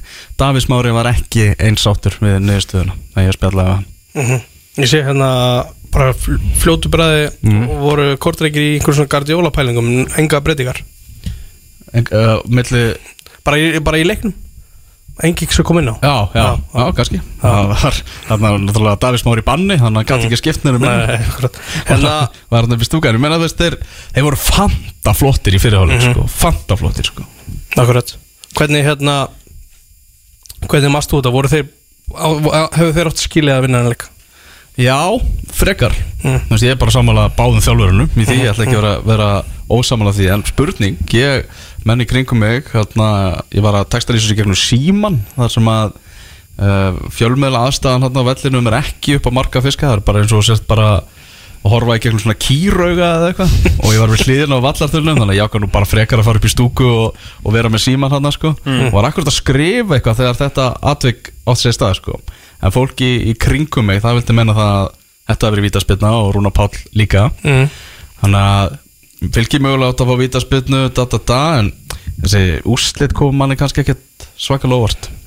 Nei, ég bara fyrirfram hefði ég búist í aðtöfli Já, vallaþulur einmitt spurði mig fyrir leik hvernig, hvernig ég held að þetta myndi fara og ég spáði svo eitt eitt. Mm. þannig að það var ekki engin, engin haka í gólf en, en svona Rúna Páll með svona skilabóð til leikmanna sinna um það það var að kæmu alveg verulega erfiði leikir í þessari deild og menn þurfti bara að vera tilbúinur undir það. Og að fara og mæta kórdringum á þeirra heimavelli það er ekkert grín.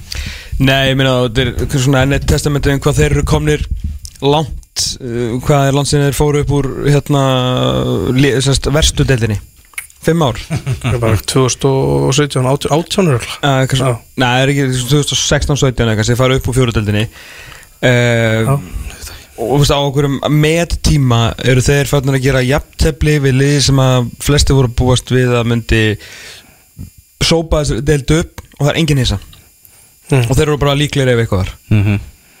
Eru þeir ekki bara í alvörunni, voru ekki að síndu voru ekki gær bara þeir eru bara í alvörunni kandidata til að fara upp Jú, Mhm. Ég myndi alltaf já, já Eitt líka með byrjunlega við hérna fyrir fylgja, það var svo skrítið í fyrsta leik þegar þeir spilaði á móti hérna Káaf Mhm. en svo núna einhvern veginn var fyrir utan kannski börkin uh, Holy Moly mætt. Já.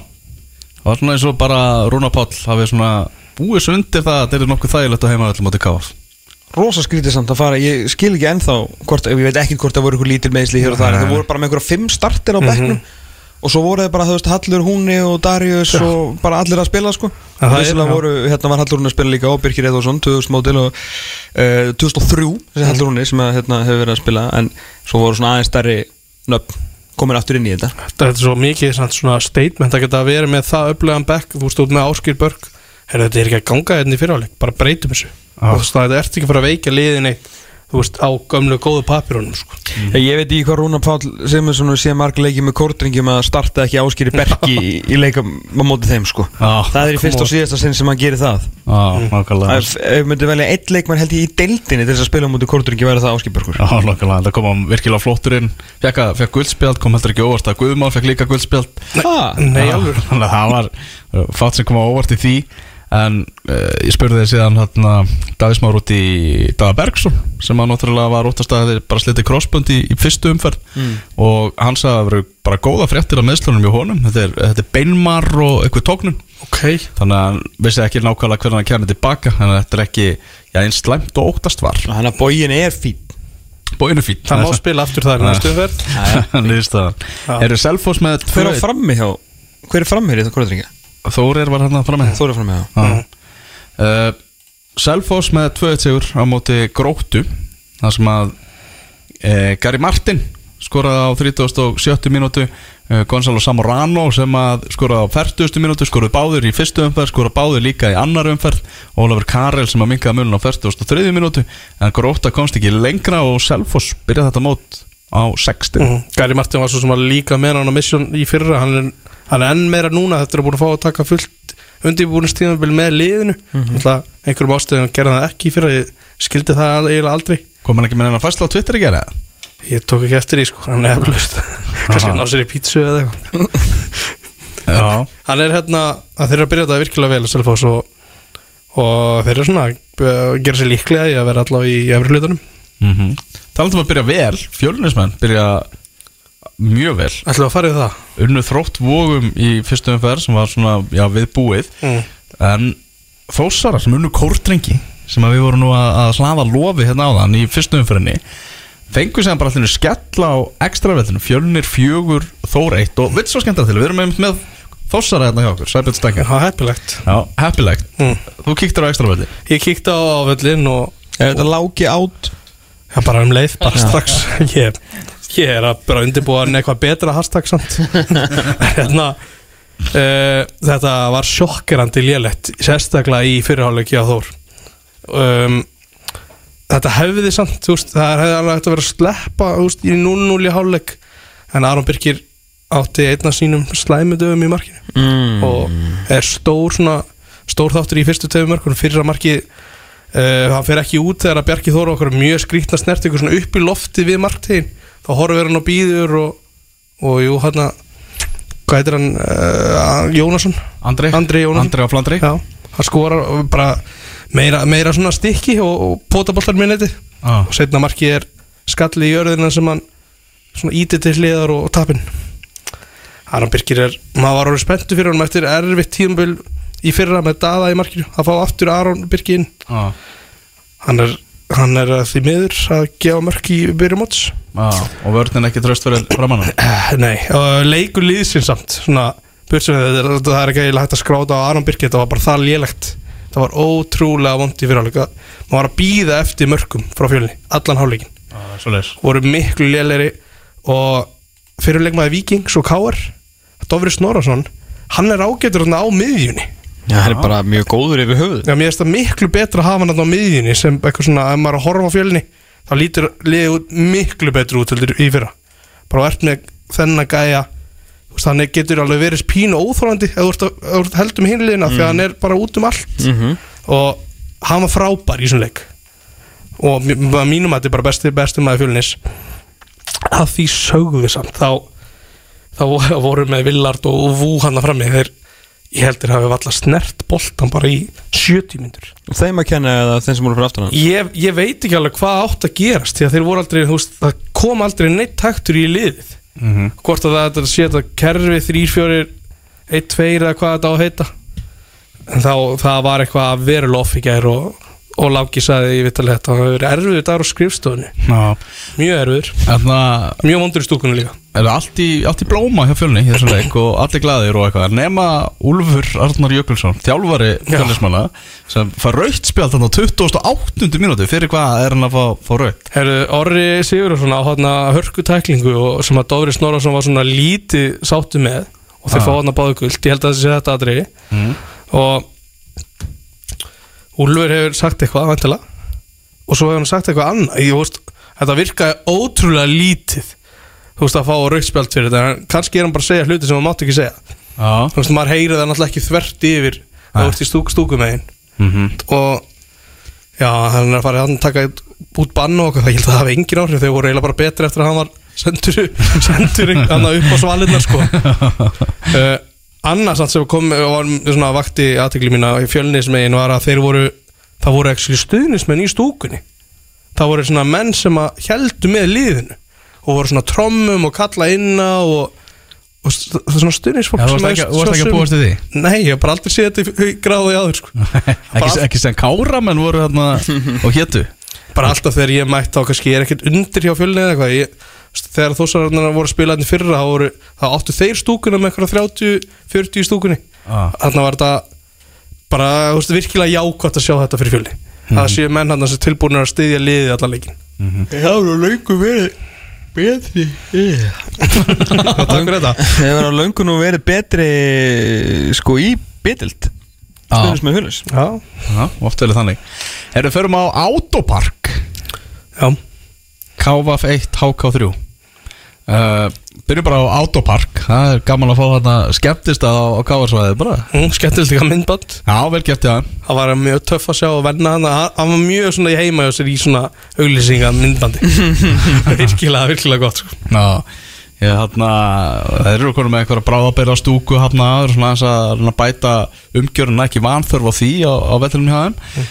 Uh, En Hákaðingar, strax komnir bara í góða stöðu hafna uh, Valgi Valgjesson átti að byrja hennar leik en uh, í uppbytun þá kom í ljós að hann var ekki alveg tilbúin í það þannig að ungu strákur, Ívar Orri Gissurason kom inn í, inn í liðið.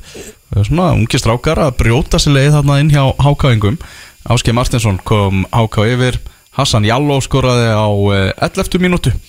Uh, svo var ekkert skora bara meira þannig að þú komst á seint þá náður ekki mörgum fyrir en bara í blá lokin þegar Patrik Reynir Vekki skorar lánsmaðurinn frá leikni, nýkominn uh, minga munin í 1-2 en Bjarni Páll Lilnett Runolfsson hann uh, kláraði dæmið þannig fyrir Hákáðinga og Háká með sigur eftir að tapa á móti Selfoss í fyrstum ég heyrði að þetta hefur verið mjög líkt leiknum hjá móti fylki sem sagt hjá KF ok, og aftur kannski það var einhver umræð um það að okkur Ingo sig hafi ekki byrjað móti fylki. Á, hann byrjar ekki heldur hann og þeir voru betri eftir að hann kom inn á. Já. það hlýtur að fara stýttast í að, að töfra maður Já, einhver með boltan að hann fá, fái startið. Það hlýtur að vera eitthvað aðeins að hrjá hann. Besti maðurinn í liðinu sem er eini sem að uh, hefur aldrei farið á átó og mun aldrei Já, þannig hann- ég sá hann að ekki í myndbandur ja, Hann er náttúrulega ég kannski er ég að ljúa, hann var eru glæðna sko. Nei, hann var bara í endan Hann var bara í endan Þeir voru á Já. átópark Já, já, Já, Bruno Soares mættur þarna í vörnina hjá Hákangum, ég er að vera mikil talandi í, í kringum hann. Þannig að hann nætti sér þarna í guldspjald og, og myndi á sig í, í þessum leik. Miklar vendingar til hans já, það var eitthvað í kvortnum mjög spenntið fyrir honum Bruno hann, það er, það er, það er magnað. En alltaf vel gert hjá, hjá Hákangum að vinna þarna eftir tapi fyrstu umferð. Grindavík með 3-0 sigur á móti vinafélagi sínu, sínu þrótti vógum mm. þar sem að eh, Dagur Ingi Hammer skoraði tvíveðis og Kairó einu sinni og Hammer time, gerir já, vel. Sá hérna Harald Röfn Haraldsson sem textarist í leiknum og áhugavert sem að saði hérna uh, í, í loka fæslu sinni í textalýsingunni.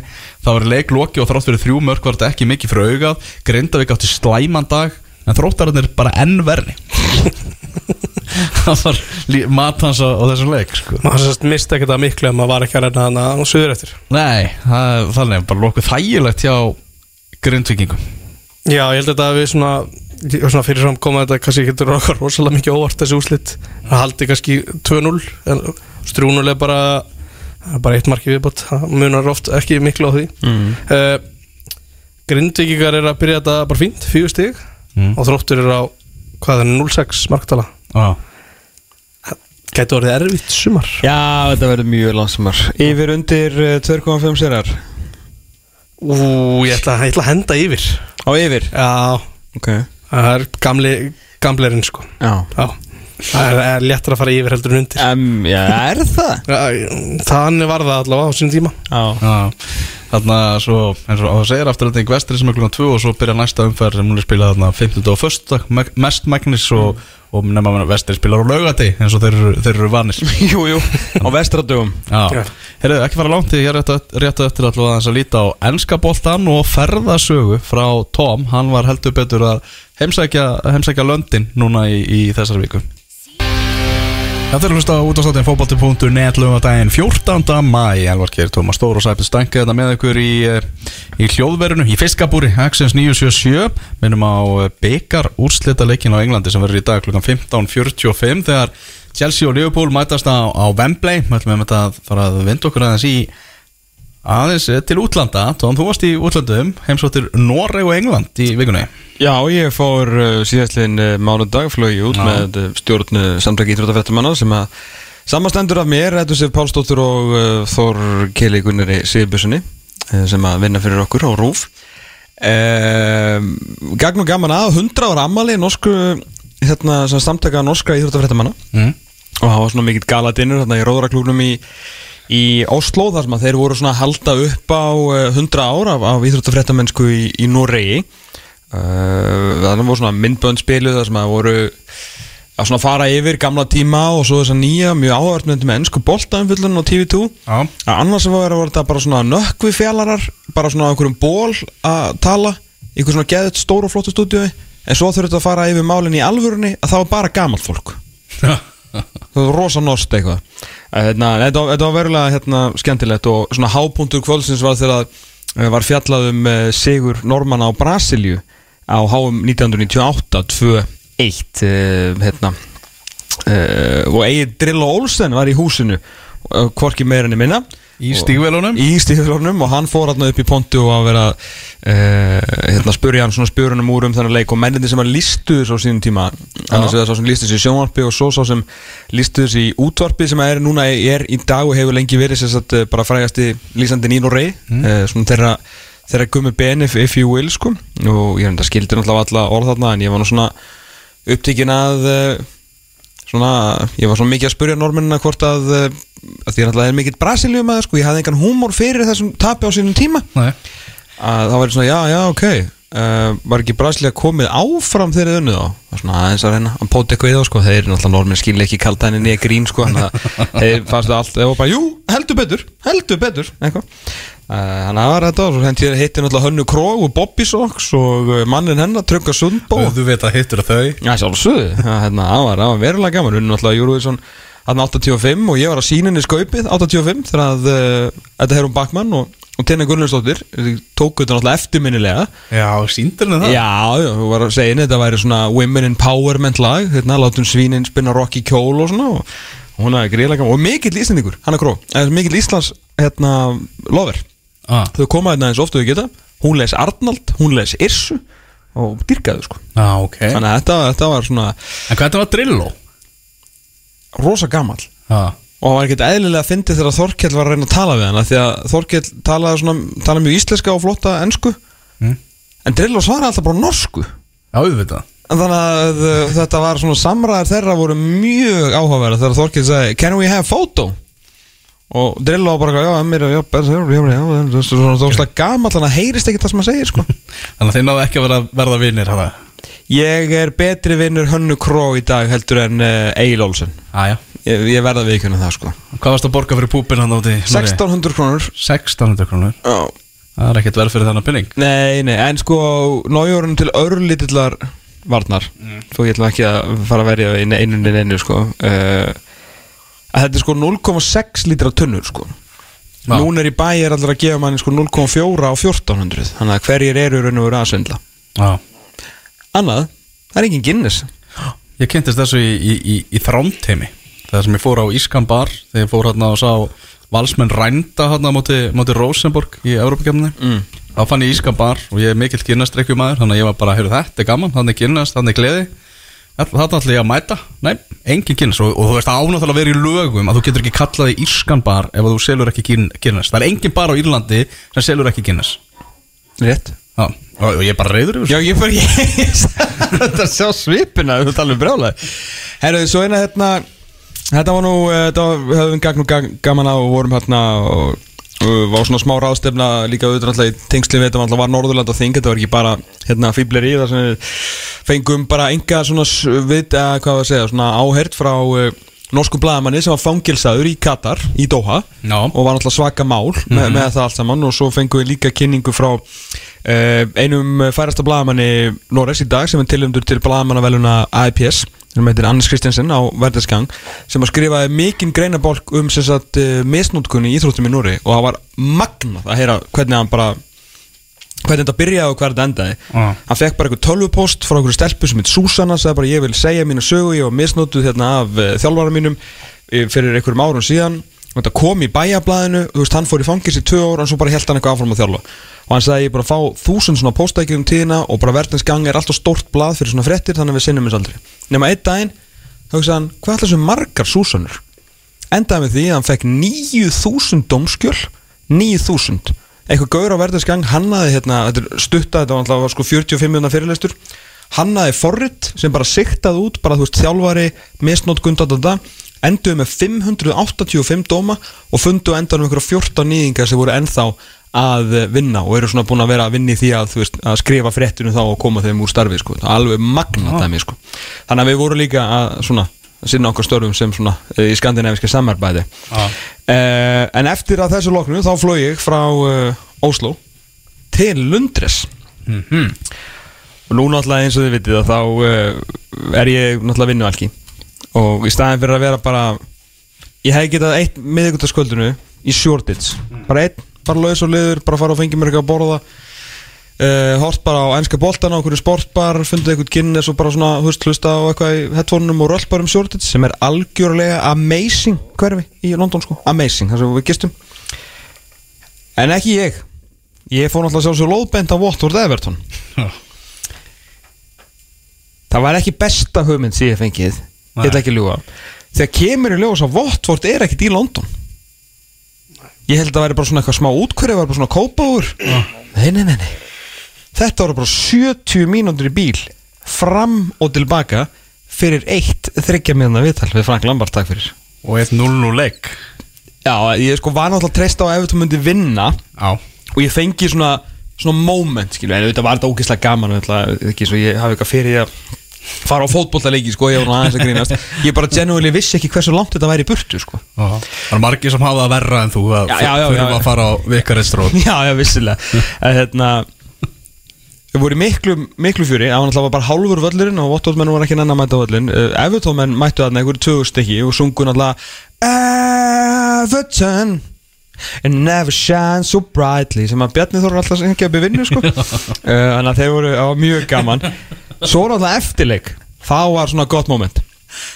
Að Því að við náttúrulega erum bara Já, við náttúrulega bara eigum Everton á Siemensbort Þannig að uh, yfirmaður sem sagt uh, fjölmjöla sagt fjölmjöla stjóri uh, já, hérna hjá uh, hjá Evertón sem heitir Rob Urbani sem ég hef nú hitt, hitt nokkur sinnum.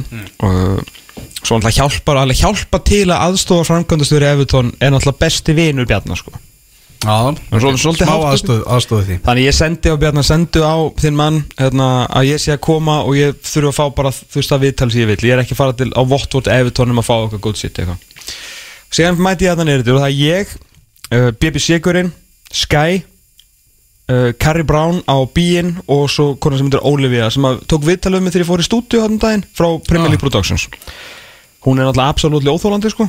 Hún er náttúrulega sko, korfuboltamenn er ekki skrýnaðar jafn mikið og ég, hún stígur alltaf bara fyrir mig. Hún vil alltaf fara fyrst í öllu viðtalinu sko, hann er alltaf óþólandi svo kom ámyndið Rob Urbani kemur til myndi, svona smá bara að sagða sko, bara svona fyrir ykkur. Segir bara, herru, hérna, lappa tíminn bara Tom, what do you want? Eitthvað uh, I haven't come all this way not to speak to Frank Lampard. Hann bara eitthvað, the manager, you get it. Ekki málið Þannig að ég hingra bara, þú veist, Frank Lampard kom svona síðust Rói Hodgson kom að það og hilsaði öllum og svaka mikill sendil með hann, hloka maður Rói Hodgson sko. Svo kemur hérna, svo er Skype og að taka sér stöðu inn í eh, klefa svona, tveir ógeðslega litlir viðtalskrifar og hann er að býða eftir Lampard. Og svo kemur sem sagt uh, Rob Urbani með uh, Frank Lampard og það er bara já, this is uh, Frank Lampard for Siemens Sport. Og sagt floor manager frá PLP segir svona, nei, hérna Sky er að býða This is Frank Lampard for Siemens Sport Þannig að það var bara svona Steve. Og hann þessu Steve að skæða Steve. Þú hérna uh, Þú þarft eiginlega að fara hérna út að uh, Æslandi stúðinni interview. Hann var svona Skildi ekki alveg hvað var að gera sko. Þannig að þetta var Já þetta ég hefði gaman að þessu. Ég ætla ekki, ekki að ljúga því sko. En auðvitað náttúrulega yfir tómerindir Eru þetta náttúrulega okkar menn? Já, já. Þetta er náttúrulega okkar menn sko En já, en hérna ekki kannski skemmtilegasta leikur En aðal dæmi var náttúrulega daginn eftir Þegar ég fór í fyrsta sinn á Tottenham Hotspur-völlin Á norður Lundun á slægi Já. Ég var það eftir að fara þennan völl. Herre Guð. Já. Þetta er ótrúlegasti völlur sem ég sé. Hann er algjörlega rugglaður Og þarna verða allir að fara Hvort sem þeir halda með Tottenham eða ekki. Farið þá bara að sjá liðið ykkar á mótið þeim eða eitthvað sko. Ég hef bara aldrei hann aðeins Geðveikur völlur. En svo svo fyndið, þetta er náttúrulega svo mikið slömm Að bara næstu hús við eru bara einhverjur bara, bara eitthvað ógeðsleg niður nýtt eitthvað verkamannhús og svo bara biljón punta völlur við hliðina á sko. En völlurinn er trilltur. Herru, magna við þetta að þeir náttúrulega eru að satsa mikið inn á NFL-ið enda náttúrulega að spila hérna og þetta er semi bara NFL-völlu líka. Þetta er svo, þeir satsa svo mikið inn á NFL-ið að helmingurinn alltaf það sem ég sá af bara skilur svona leik, ekki leikmann aðkomu göngunum er bara byggt eins og NFL-leikningur þegar við séum þetta player arrivals þessu stóru gangar þannig að rútuna getur bara maður er aldrei skilja af hverju þurfa það svona mikið plássiðilega og við erum að tala um bara þetta var bara geimur ég lappaði náttúrulega óvart bara inn í búnisklefann hjá Jacksonville Jaguars sem þeir náttúrulega bara konum með heimavöll eru búin að gera fjóra ára samning og eru bara eiga heimavöll núna að spila einu svona ári í, í London svo var einhver annar lappaði aftur þannig að það er ekki hægt að rata það, það er ekki sjens þannig ég lappaði inn í annan NFL klefa og það er bara, þú veist, þeir eru bara völlun er bara hannaður með NFL í huga. Af því að þarna er náttúrulega eru penningandi sko. en svo náttúrulega fóð maður á leikir sjálfan og hann er svo ótrúlega flott hannaður og velgerður hvað var það svona hljóðbarni að uh, það þurfa bara svona 50 manns að syngja og þeir líður bara eins og sett Tyrklandi. Það er svo mikið hljómburur þarna sko þannig að uh, þegar þú veist leikur var svona að byrja og þeir tóku tífóið og allt sko það var alveg geðveikt sko. Geðveikt. Tottenham Arsenal var leikurinn? Já. Uh, Já, Tottenham er náttúrulega bara miklu, miklu betri í þessu leik. Svo annað, sko þetta var náttúrulega svolítið erfið fyrir mig af Því að ég fekk post tveimur dögum fyrir leik. Og svo sagt að Arsenal myndi ekki senda uh, leikmann út í viðtal. Það er bara hvort sem þeir myndi vinna að tapa þeir myndi bara ekki koma og ég er svona, ah, ok, og fór svona að ræða þarna við menn þegar ég mætti bara, "Heyrðu, hvernig geta þið gert þetta, þú veist, þetta er alltaf alveg orðið vel óþólandi hérna hvað liðin eru farin að, farin að stýra ykkur, sko. En þá var það náttúrulega málið, ég veit ekki hvort þið sáu þetta við alltaf vorum að tala þarna við eh, fengum, hana, þú veist, ég er náttúrulega maður, maður er bara að hugsa í mómentum. Mér er náttúrulega alveg sama hvort að tottana með Arsenal færi í Champions League, sko, skiptir mig persónulega einhver máli. Ég, bara, ég fó bara fyrir mómentið og mómenti sem ég hugsaði með fyrir leik það getur verið gaman fyrir okkur að vera á vellinum þegar Arsenal klinsar Champions League í fyrsta sinn í sex ár á útivelli í North London Derby. En síðan alltaf með tjáði ég fá engan viðtal út. Þannig að þá er ég svona, ok, það ger voða lítið fyrir mig og þá svona, kannski bara fínt að Tottenham vinni og Harry Kane skori og fá kannski viðtal um hann sem og gerðist. En ég spurði þarna menn, akkur í fjandanum þeir var ekki að senda menn út? En þá var það þannig að völlurinn stúkan er svo nálagt hérna vellinum, hérna, sem er alltaf geggjað. Og það er klásúla í hérna, í öllum meðaköpum á Tottenham vellinum Ok, sem segir, og þetta er alveg nýtt fyrir mér sko. Uh, það er klásúla sem að segir you have to clear the area uh, within an hour after the game. Sem að þýðir á móti að þú mátt vera í stúkunni í klukkutíma eftir leik. Þannig að sagt, á öllum hinum öllunum þar sem að veist hérna, uh, að viðtölur eru tekið svona nálat stúkunni að þá meiga sem sagt görðarnir í guluvestunum koma og segja fariði þú veist þeir hafa rétt til þess að segja hérna það er að byrja hérna viðtöl við viljum ekki hafa okkur hérna onni þeir verða að fara. Á, en út af þessari klásulu í miðaköpunum á Tottenham þá meiga er ekki að gera þetta. Og þess vegna eru Tottenham-stundir sem er þyrpast þarna saman og býða eftir að sjá heitirna sínar. Enda alltaf þegar við vorum með Harry Kane í viðtali voru þeir bara You're one of our own. Og Arsenal-mennir þóri ekki að senda sína einhverja af því að þegar það hefur verið gert og þá standa þeir og eru bara ah, You fucking cunt. Og eru bara eitthvað hendið og drastlið okkur sko. á, Þannig að eh, mistök hann í smá, ekki mistök ekki mistök, skiptu kannski náttúrulega geðið fyrir stuðnismenn að geta hangið hana en svona eru litlu hlutinir í þessu snakkjamin svona bakuð tjöldin. Á, Ég skil samt ekki alveg af hverju þeir af hverju þeir bjóðu upp á hana möguleika að þeir megi vera þarna svona lengi. Ég er nefnilega skilða ekki því ég hef myndið halda þeim að þeir vildu koma þeim úr sætunum og á, þú veist, þarna mat og púpsvæðið, náttúrulega völlurinn er hannar þannig að þú farir ekki heim til hinn. á, þá bara hel, ein hliðin á honum er bara mathallir sko. En í staðin getur fólk bara staðið þarna í klukkutíma og getur bara, þú mátt setja í sætinu þínu. Bara leikurinn kannski í þrjú klokk kick-off leikurinn er búið fimm, þú mátt setja þarna bara til sex. Svo bara vera skúra undan þér og eitthvað, þú veist, hárulegt sko. En ég mæli alltaf rosalega erfitt að komast tilbaka þarna. Það er bara eiginlega hægt. Þannig að ef þið farið á hann völl ekki fara heim. Það ég eina ráðið mitt til ykkar ekki fara heim til ykkar. Verið í stúkunni og verið með læti. Við byrjum á því. Sérstaklega kom ykkur aðkom Eða svona hérna, away team kom ykkur út Hendið ykkur í þá. Tröflið viðtölinn og En það er svo að Því að við ætlum bara Við vorum búinir að vinna það kljóðan 10 Við ætlum að drífa ykkur út á vætallegin Fyrir letastöðuna Já, það er ekki nema svona 20.000 manns. Og ganga á tíminna helsti Bara að blessaður sko. En ekki fara heim en Þetta var svona Þetta var svona allra helsta Úr ferðasögunni Já. Teddy Sheringham fekk svo vond sæti Og voru gaurið sem stóðu allan tíman Þannig að hann þurfti að standa allan tíman Og hann er nú ekki mikil Herru, hann er mikil tóttir hann alveg bara svona fagnaði bara þú veist eins og við fagnum mörgum hjá Þór Leikn og Viking sko á, ok hann var alveg bara svona og þeir voru að klúra færum var alveg bara þú veist hann er mikil tóttinamæður Mhm. hann komur svona smá orð Hann náði alltaf að fagna þremur mörgum þarna í Já. þessum, þessum 3-0 seri tóttinam Er Arsenal að fara klúra þessu? Eru þeir að fara að missa mestratildasætinu? Mér langar svo að vera með eitthvað hot take en ég, bara, ég get ekki ráðið í hennan mándagsleik Mm. tóttinam vinnur síðan tó Mhm, alveg klálega Það er Burnley og Watford. Burnley og, nei, Burnley og Norwich. Burnley og Norwich Já. ok. Burnley er svona bananahýði vissulega af því að Burnley er í baráttunni en það er, þetta er á heimavelli og ég get ekki tala svona um hennar völl og svo fara og tapa fyrir Burnley sko er ekki séns. Nei, nei, það gerir það ekki. Uh, og sjálfsögðu vinnaði síðan Norwich svona 7-0 í, í lokaðan fyrir henni Arsenal og Newcastle og Everton. Talsvægt erfiðra leikir. Talsverð erfið þegar Newcastle er ekki búin að spila eins og lið á ströndinni þrátt fyrir að þeir séu að þeir, hafa- þeir hafa svo gaman að vera að vinna leikja fyrir er þetta ekki njú, er þetta útífið öllum með þess að Já, ekki þetta er fyrir norðan á Monday Unduð and Light á, á St. James sko. það þetta gæti léttilega verið staðurinn þar sem Arsenal missið Champions League á endanum sko. mm, Holding í banni, Ben White tæpur Og Gabriel eitthvað líka tæpur held ég já Gabri á, þeir eru þrýr hann að veltæfur sko. Ben White er endur bara ónötu að varma Kannski er hann klár sko en hann verður ekki í svona supermatsfitt sko. hann er búin að vera frá núna einhverja þrjá fjóra leiki þetta lítur ekkit allt og vel út og Newcastle alltaf vill ekkit mikið um boltan svo vilja breyka svolítið hrattan þeir munu bjóða Arsenal svolítið að koma upp í dans sem að kannski var ekkit endilega að ganga nógu vel á móti móti tóttina og, og hérna Já, ég Sko, Antonio Conte er náttúrulega stjóri sem vil lifta byggurum Hann er bara þannig, þannig Lifta byggurum Það er bara þannig kall En að ná fjóruða sætinu er þið bara rosalegt afreg fyrir hann? Arsenal byggarinn Já, Það var skemmtilegt fyrir tóttina Já, nákvæmlega. Líka þú veist, ó, það var tvöföld ánægja Bæði að taka þetta fjórasætti og náði af Arsenal ef, að- ef að það tekst. Á frábæk grein í, hérna, ég náðum ekki, ég ætlaði að koma þessu að þarna í, í, í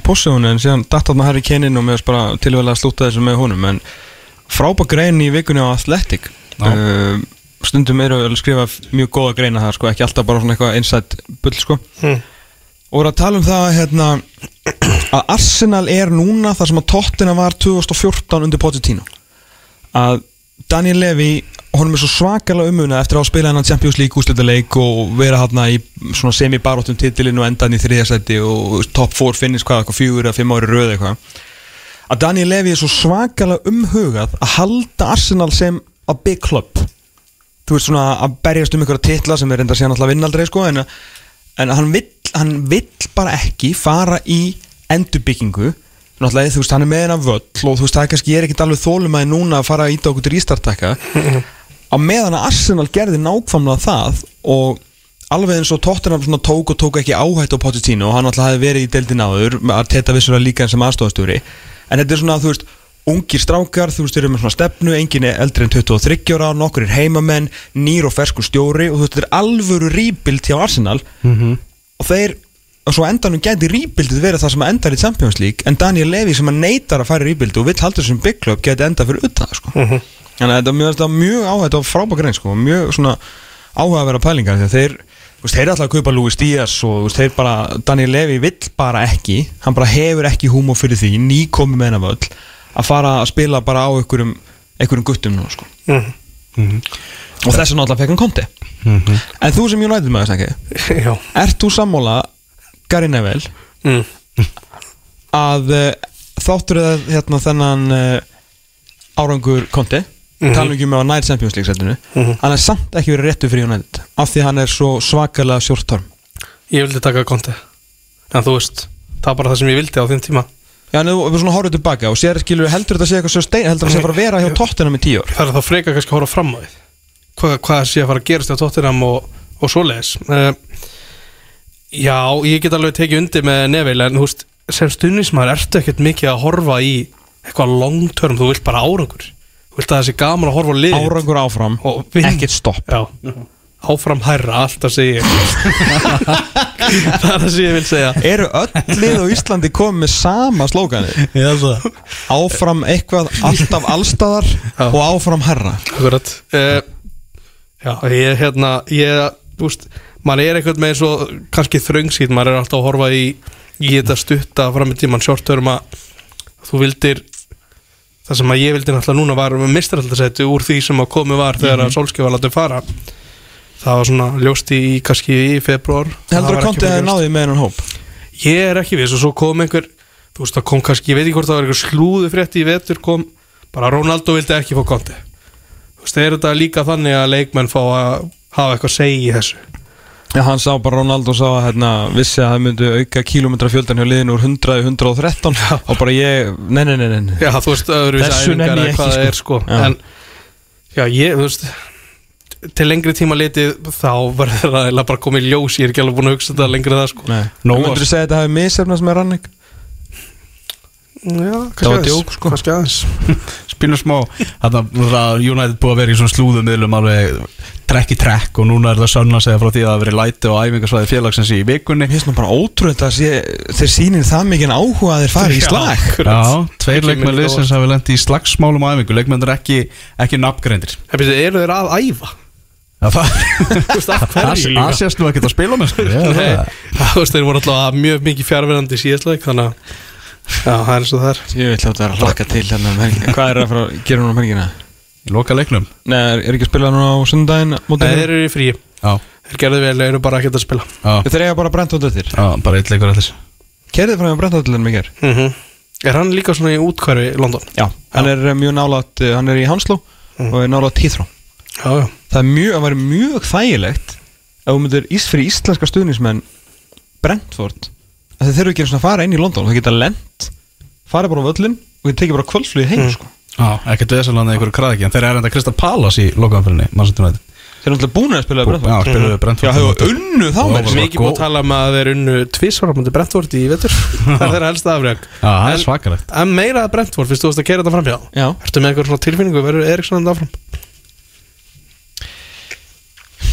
Ég veit það ekki, mér varst frábær punkturinn sem Markallar að koma með fyrir nokkru viku síðan að uh, hann væri bara vantilega með bara new outlook on life. Vist, hann er búinn að spila fyrir Tottenham, hann er búinn að spila fyrir Inter hann er að fara að háum saman hvað gerir skilur hann fær annars svona stórt moment.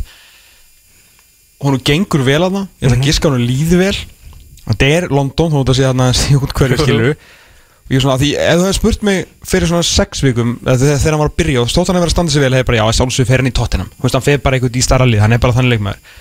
Kannski bara, Ekki. kannski bara horfir hann öðruvísi á lífið núna, ég veit þekki hann ekki persónulega sko, en bara, ég myndi alveg skilja. Mm. bara why the fuck not að taka bara annan tíðinbil ef hann líður bara vel með sjálfan sig sko. Veist, það geta alveg bara þeir getur búið til eitthvað, eitthvað sambandstildar komast í sjöndarsæti á næsta tímbili það var ekki leðild að fá Þegar Manchester City getur farið bara langleðina með það að klára titilinn á morgun. Hversu góður alltaf Kevin De Bruyne að verða árunum við bara þurfum að slá skjálbór hérna um knaspinuna Vá. Kannski nógu góð til þess að fá að klára 90 á móti Real Madrid. Já. Það verður að ná því einhvern tíðan Taktíska Það er breyting Það er svo skrítið þegar Pekka Djóla ofþjálfar sjálfan sig sko. Mm. Hann er einu maður sem getur átkotsa sig. Nei, ég, og hann gerir það alveg reglulega. Ég skil ekki, þú veist Hann er örgulega með eitthvað svona hlaupatölur og eitthvað svona live fýta hvað er að gerast inn á vellinum og eitthvað svona, eitthvað rít sem hann rýn í. Veist, Þetta lítur alltaf svo furðulega út þegar þetta klikkar. Þetta er eins og hann segir sjálfur. Hann lítur út bara eins og hálfviti þegar þetta klikkar og öllum er eiginlega sama þetta hefnast. Mm Þannig að þetta er alltaf bara að grefur eitthvað hólu og hann kemst aldrei meira en bara upp úr henni sko. Hvað á sitt í á morgun? Vestam úti. Það er að Síðast sinni fyrir liðbúin Þráttur er, ef við myndum tapa Er ekki sitt í ennþá að taka markatöluna? Jú, Jú. þetta tekið náttúrulega síðustu tvo leiki bara með, með trombi og eru núna með pluss 72 eða 72 mörg Veistu hvað það er mörgum mörgum meiri pluss heldur en United? og- Hvað er með, hvað er það, 72? Já, Þeir eru þá 71 já Já. Leopold er með 65 Þannig að ég held að þeir séu nú ekkert mikið að fara að bæta markatöluna samt að móti vestam Ég held að vera ekkert stórsigur þar Þeir eru í brasi með uh, miðvarparið það ekki Er þeir ekki bara að fara að spila með Rodri og einhvern? Þeir eru er alltaf með bolton, það skiptir engum máli Já, svo er það Er ekki vestan líka læstir í eitthvað Európa-æventýri? Jú, þeir geta náttúrulega tekið Evrópu-deildina af Manchester United Mhm. Þeir Það eru- væri þeir- fínt. Þeir eru í sambandsdeildasætinu núna Sjöndasæti með 55 stig Manchester United með 58 í Evrópu-deildasæti Sko United þarf náttúrulega að komast í sambandstildina Það væri mjög gaman Það er Þá þarf vestam að vinna Vestam þarf bara já. Vestan þarf bara að vinna þeirra tvo leiki eftir það ekki Jú. Þeir eru að vinna annan og Kristal Palas þarf að vinna United að þá fáum við United í sambandstildina Já. Ég er mjög mikla áhugjur að United náu samt jafntefli sko.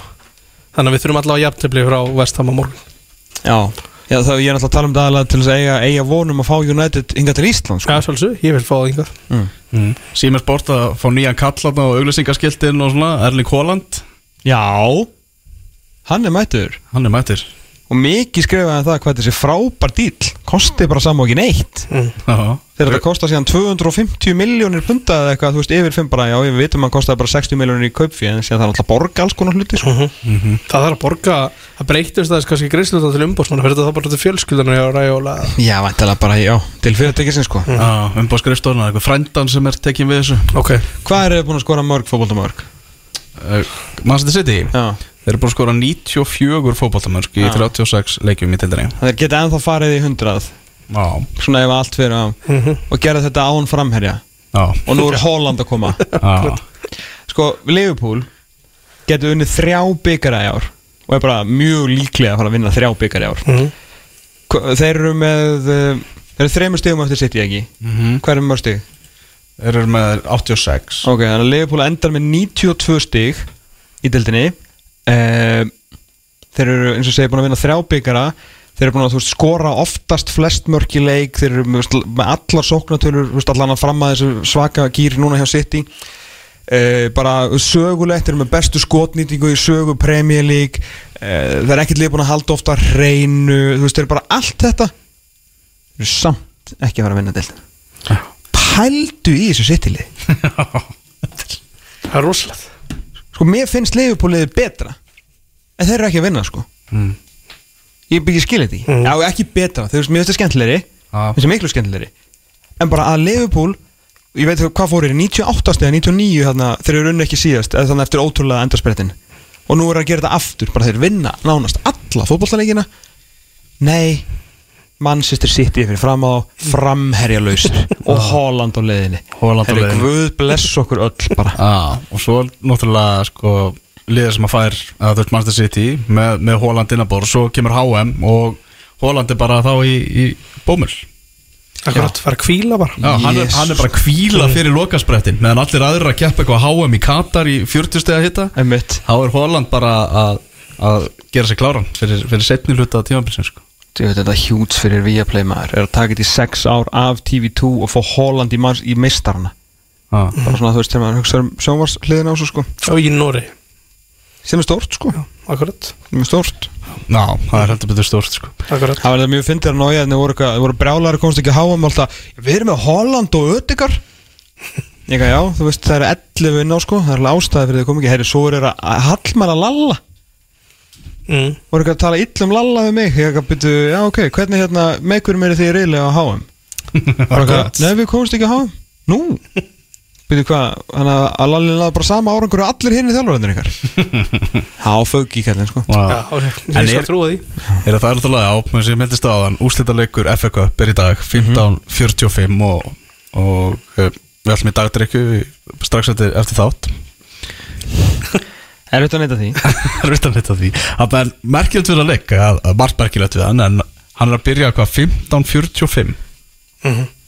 og hann var flýtt út af Eurovision Já Bretin er að flýta úrslitaleik byggasins vegna Eurovision En er það ekki, ég veit að sagan er miklu betri ef við myndum bara setja punkt hér Já. En er það ekki að því að BBC sýnir Eurovision? Jó, vissulega. Já Það er ekki bara til að allir komist heim og getur hort á sýstunar að syngja sko. Nei. Sem allir ætla að gera samt. En ég mæli eindreið með eh, BBC og það er ekki allir með BBC Gaupir alltaf með BBC, hann var alltaf að horfa á alltaf á BBC alltaf að segja það mig Já. að hérna, Eiður Smári geti, hann er að vinna á byggjumstælingunum Ok. Hann er í, hérna, í svona legends dæmi hjá Chelsea. Er að uh, segja einhverjar uh, sögur fyrir ríka kalla. Og Já. svo held ég að hann og, eða, hann og Jimmy, nei hann og Sonrætt Phillips og svo uh, er hann uh, kemur eitthvað vantilega aðeins að útsendingunni hjá BBC líka? Já. Söpveit þetta þjálfari Matti Dalmæ hann er að fara á Tottenham Burley á morgun. Og hann keifti sér einmitt svona, þú veist, það sem að kemur svona Tottenham legend og segir hæ og viljið bólamyndir og eitthvað svona. Mm. Hvað heldur það að fá því? Tottenham. Erik Torstveit Ég segi Darren Anderton. Já, ertu ekki með svarið? Nei? Nei, ok. Já, byrju Ég ætla bara að segja, ég hendi bara í séringan út að og kostum það á hann Já Já, menn hann er, hann er svona meira svona sjónvarp eitthvað mm. Darren Andri, þetta var ógeðslega gott gíska, svona ekta guður sem kemur þetta Ég ætla að fara einhvern eldri. Hver er, ég ætla að segja Guðni Bergson. Það verður það stórt. Það verður rísastort ef Matti fekk hann alveg. Ógeðslega leiðilegt frá að hitta hundra sem Nei, já, var þetta mjög skemmt þetta myndi dukka hann upp Já, það verður Tvö árandi eða eitthvað. Já, nákvæmlega. Já, það er að fara þetta í, í lokasprettin í Evrópufútboltan Já, heldur betur maður. 15.40, þetta er bara skrítin tími Já. Bara mjög skrítin tími. En hvað gerist það framleitt sér? Það er gera ráð þá fyrir framlengjur Það er vantilega að gera, já. Já, það er svona 15.45 sko. Já. Já. Er ekki kick-off í Eurovision 7? Það er ekki fínt að enda þetta á því? Það flöta á klónsu Það er bara on þá. Já. 19.00 Hvaða tilfinningu hefur þú fyrir Eurovision? Ég er mjög góða tilfinningu fyrir þessu. Ég er, ég er eins og þú, ég er svíja megin í þessu. Já. Það er bara logist einhvern veginn, bara fyrirfram öll ár og þegar það kemur að þessu líka. Yfir undir uh, 14,5 sæti á Ísland Yfir Yfir? Já. En ef ég satt, yfir, yfir, yfir undir 4,5 Yfir? Nú byrju, sæti? Já Fyrir ofan já, þú meinar Fyrir neðan, ætlaði ég að segja Fyrir neðan 14. sæti Fyrir Já. neðan 4. sæti líka skilur Já, ég segja þú veist Já, já, já 14,5 er sætið Já, ég horfði í, á, í yfir væri þó hærri tala sko. Nei, læri tala Já, sko. ég fyrir Þannig að þú fyrir undir? Já, já, já, Við verum í 15. eða neðar. Já, pottet. En gott lag Ha- Með Hackandi Sól Já, Gekkja lag sko. Elin Ey er náttúrulega bara eitthvað annað þegar kemur að syngja sko. þú gæti verið að hýtti þann alveg aðna á 14.5 sko. Gæti verið aðna á Já, vonandi, ég verði sá- ég- ég verði sátu við 14 Takk fyrir, já, ég, ég held að Þetta er sænska Geðvett lag sko. Cornelia, vingun okkar. Mhm. Já, Getur við fengið smá með Hackandi Sól? Bara rétt til að senda fólki út í Gæðu þetta út. Hamrar á Þetta var eins og að vinna Leina á fóstuföðu mínu Gaup Alltaf? Það er bara að fá þetta í gang. Það tókst. Það er hamra svolítið fast til að fá þetta lag sko. Þungun vafin sorgar sárum. Rosalegt. Geggjaði textilinga Ég er samt ósáttu hvað hann ei, hérna, en ekki Eið og bróður er Akkur er hann að stela aðtegnum Ég segi það. Eru ekki komið lengra þetta? Ég held það. Sendum konur út og Svona er þetta bara. Tjúvill er það svo töff? Þetta er atriði sko. Nefnir líka bara alltaf myndir þar að þeim. Sem dókast nær. 14.5 Þetta er góð lína. Mjög góð lína. Já, Ég ætla samt að fara í undir. Undir, já. Elvar, 14.5, yfir undir Yfir. Stemningin, Stefnings Herru, það er kostningadagur Bræður hjartans klaka Bönd svo hlý.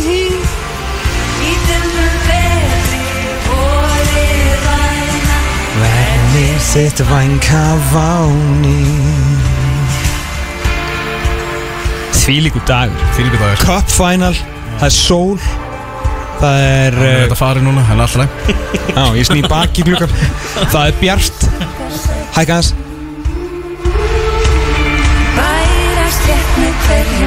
Þetta er upp á skála minn sko.